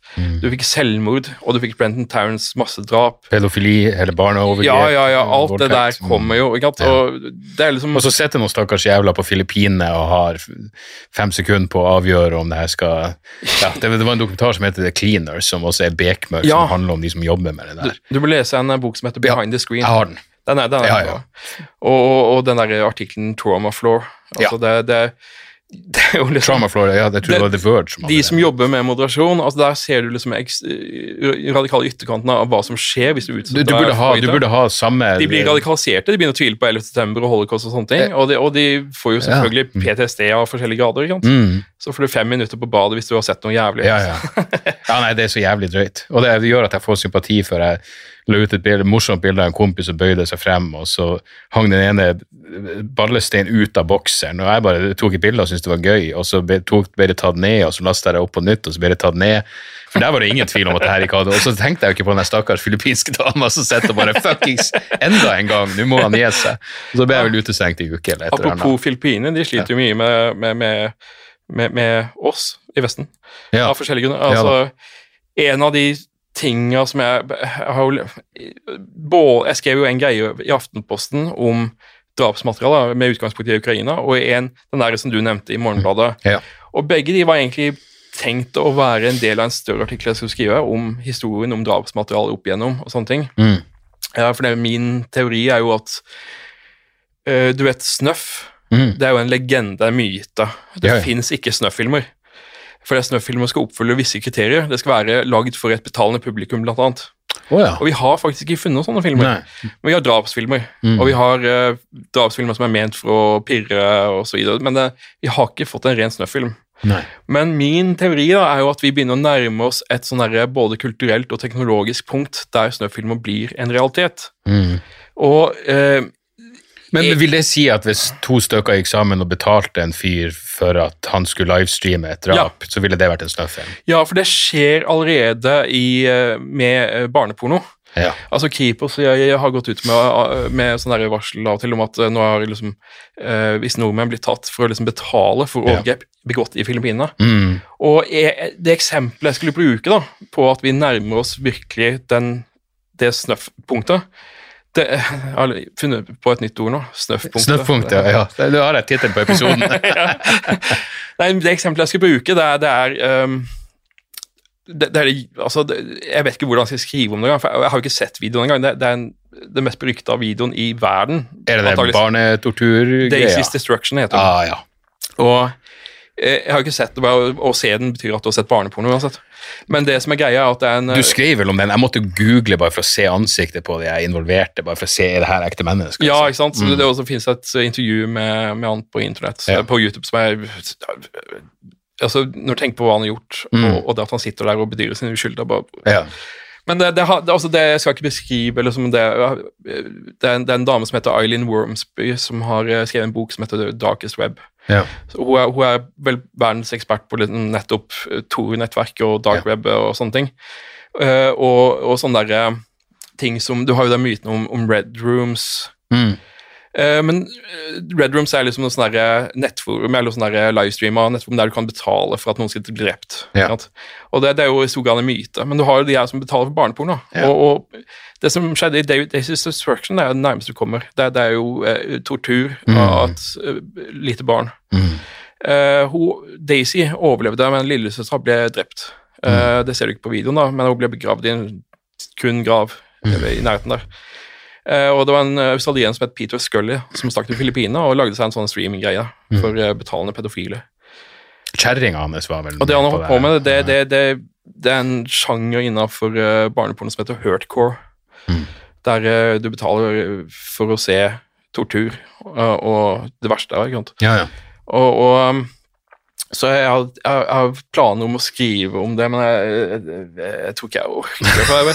Når det er en sånn derre Først jeg tenkte jeg vet ikke om vi orker å lese der, men ja. Nei, men ikke sant, når, når- det allerede altså Eileen Wormsby har skrevet om det, jeg har lyst til å på en måte få noen til å invitere til Norge, for det er, ja. med tanke på at liksom Kripos faktisk uh, bøster nordmenn i å sitte og betale for sånne ting, så Ja. vi må på en måte få litt obs på, ikke bare på internett, men Tor-nettverket, altså løknettet, Mm. uh, som ikke så mange kjenner til, men, men som, ja, det, altså, det er jo det, det er jo en fascinerende liten verden, det òg. ja. Jeg tror det er sånn 70% som er så barneporno. Men så har den faktisk infeksjon, da, for det er dissidenter i Ja, ja, land. og sånne ting. Og, Jeg husker i det torrent-tiden, så da brukte jeg, hvis jeg skulle inn på en torrent-side, så brukte jeg det via Tor-nettverk, og da tenkte jeg sånn, faen, hvis jeg fucker opp noe, eh, noe, noe opprør en eller annen plass i Midtøsten nå, fordi jeg skal sjekke om eh, jeg kan få en eh, kinofilm av versjonen av nye så-filmen, så er det litt kjipt. ja, ja. Men, men ja, det, ja, nei, det Ja. Så, så det, Ja. det, vi nærmer oss snøffpunktet. Det er min teori, da. Ja, ja, ja. Eh, For det, ok, nå har du Nå kan du allerede betale for å, å se noen torturere et Mm. barn. Ja, ja, da er det jo Eh, Du skulle tro det var et nesten tro det var et vanskeligere punkt å komme Ja, til. og jeg tenker kan, kanskje det har faktisk skjedd at noen har betalt for å se noen bli drept. Ja. Jeg vet ikke. Ja, er, det noe vi vil, eller de som da følger med, vil finne ut ganske umiddelbart? Eh, jeg vet ikke, altså mm. det, Man tenker jo liksom at ok, eh, etterretningstjeneste og sånne ting, de har Mm. kontroll, men det finnes jo s- små lukka steder der ting ikke blir sett, antakeligvis a- annet enn de som faktisk er med der. Ja. Så jeg vet ikke, men eh, jeg har ikke hørt noe om det. Men jeg, altså jeg tenker det, nå er jo teknologien er der. Eh, med bitcoin så sender du over noe til, eh, til eh, noen som sitter der med i et rom da, og Mm. faktisk gjør de greiene. Ja. Så jeg, jeg tenker at vi får se genuin snøff uh, om ikke altfor lenge. ja. Og det, det er jo uh, det, det blir en ny tilførsel i vår hverdag. Fy faen, for en oppløftende måte å avslutte det her på. Det her er hakket forbi Alex Jones og sier det kommer en ny variant, de kommer til å stenge ned i september. Nei, snøffpunktet kommer. Vi nærmer oss snøffpunktet. Ja, nei, faen. Vi, la oss gå og finne ei bikkje og gi den en klem, for faen. La oss huske at, eh, at eh, folk flest er relativt ok, men, eh, men det er bra noen, noen følger med på det her, og man trenger jo en realitetsorientering i forhold til, til mye rart. Ja. bare bra at noen er villig til å ta på seg byrden til å holde seg oppdatert på det faenskapet. Nei, men Takk for praten, Lasse. Vi, det er, vi kunne sittet her i en fuckings evighet. Vi har sittet over to timer allerede. Oi, så ja, så eh, vi får heller eh, to be continued. Ja, ja, absolutt. Hyggelig å komme. Yes. Moderne media. Har du et enkeltpersonforetak eller en liten bedrift? Da er du sikkert lei av å høre meg snakke om hvor enkelt det er med kvitteringer og bilag i fiken, så vi eh, gir oss her, vi. Fordi vi liker enkelt.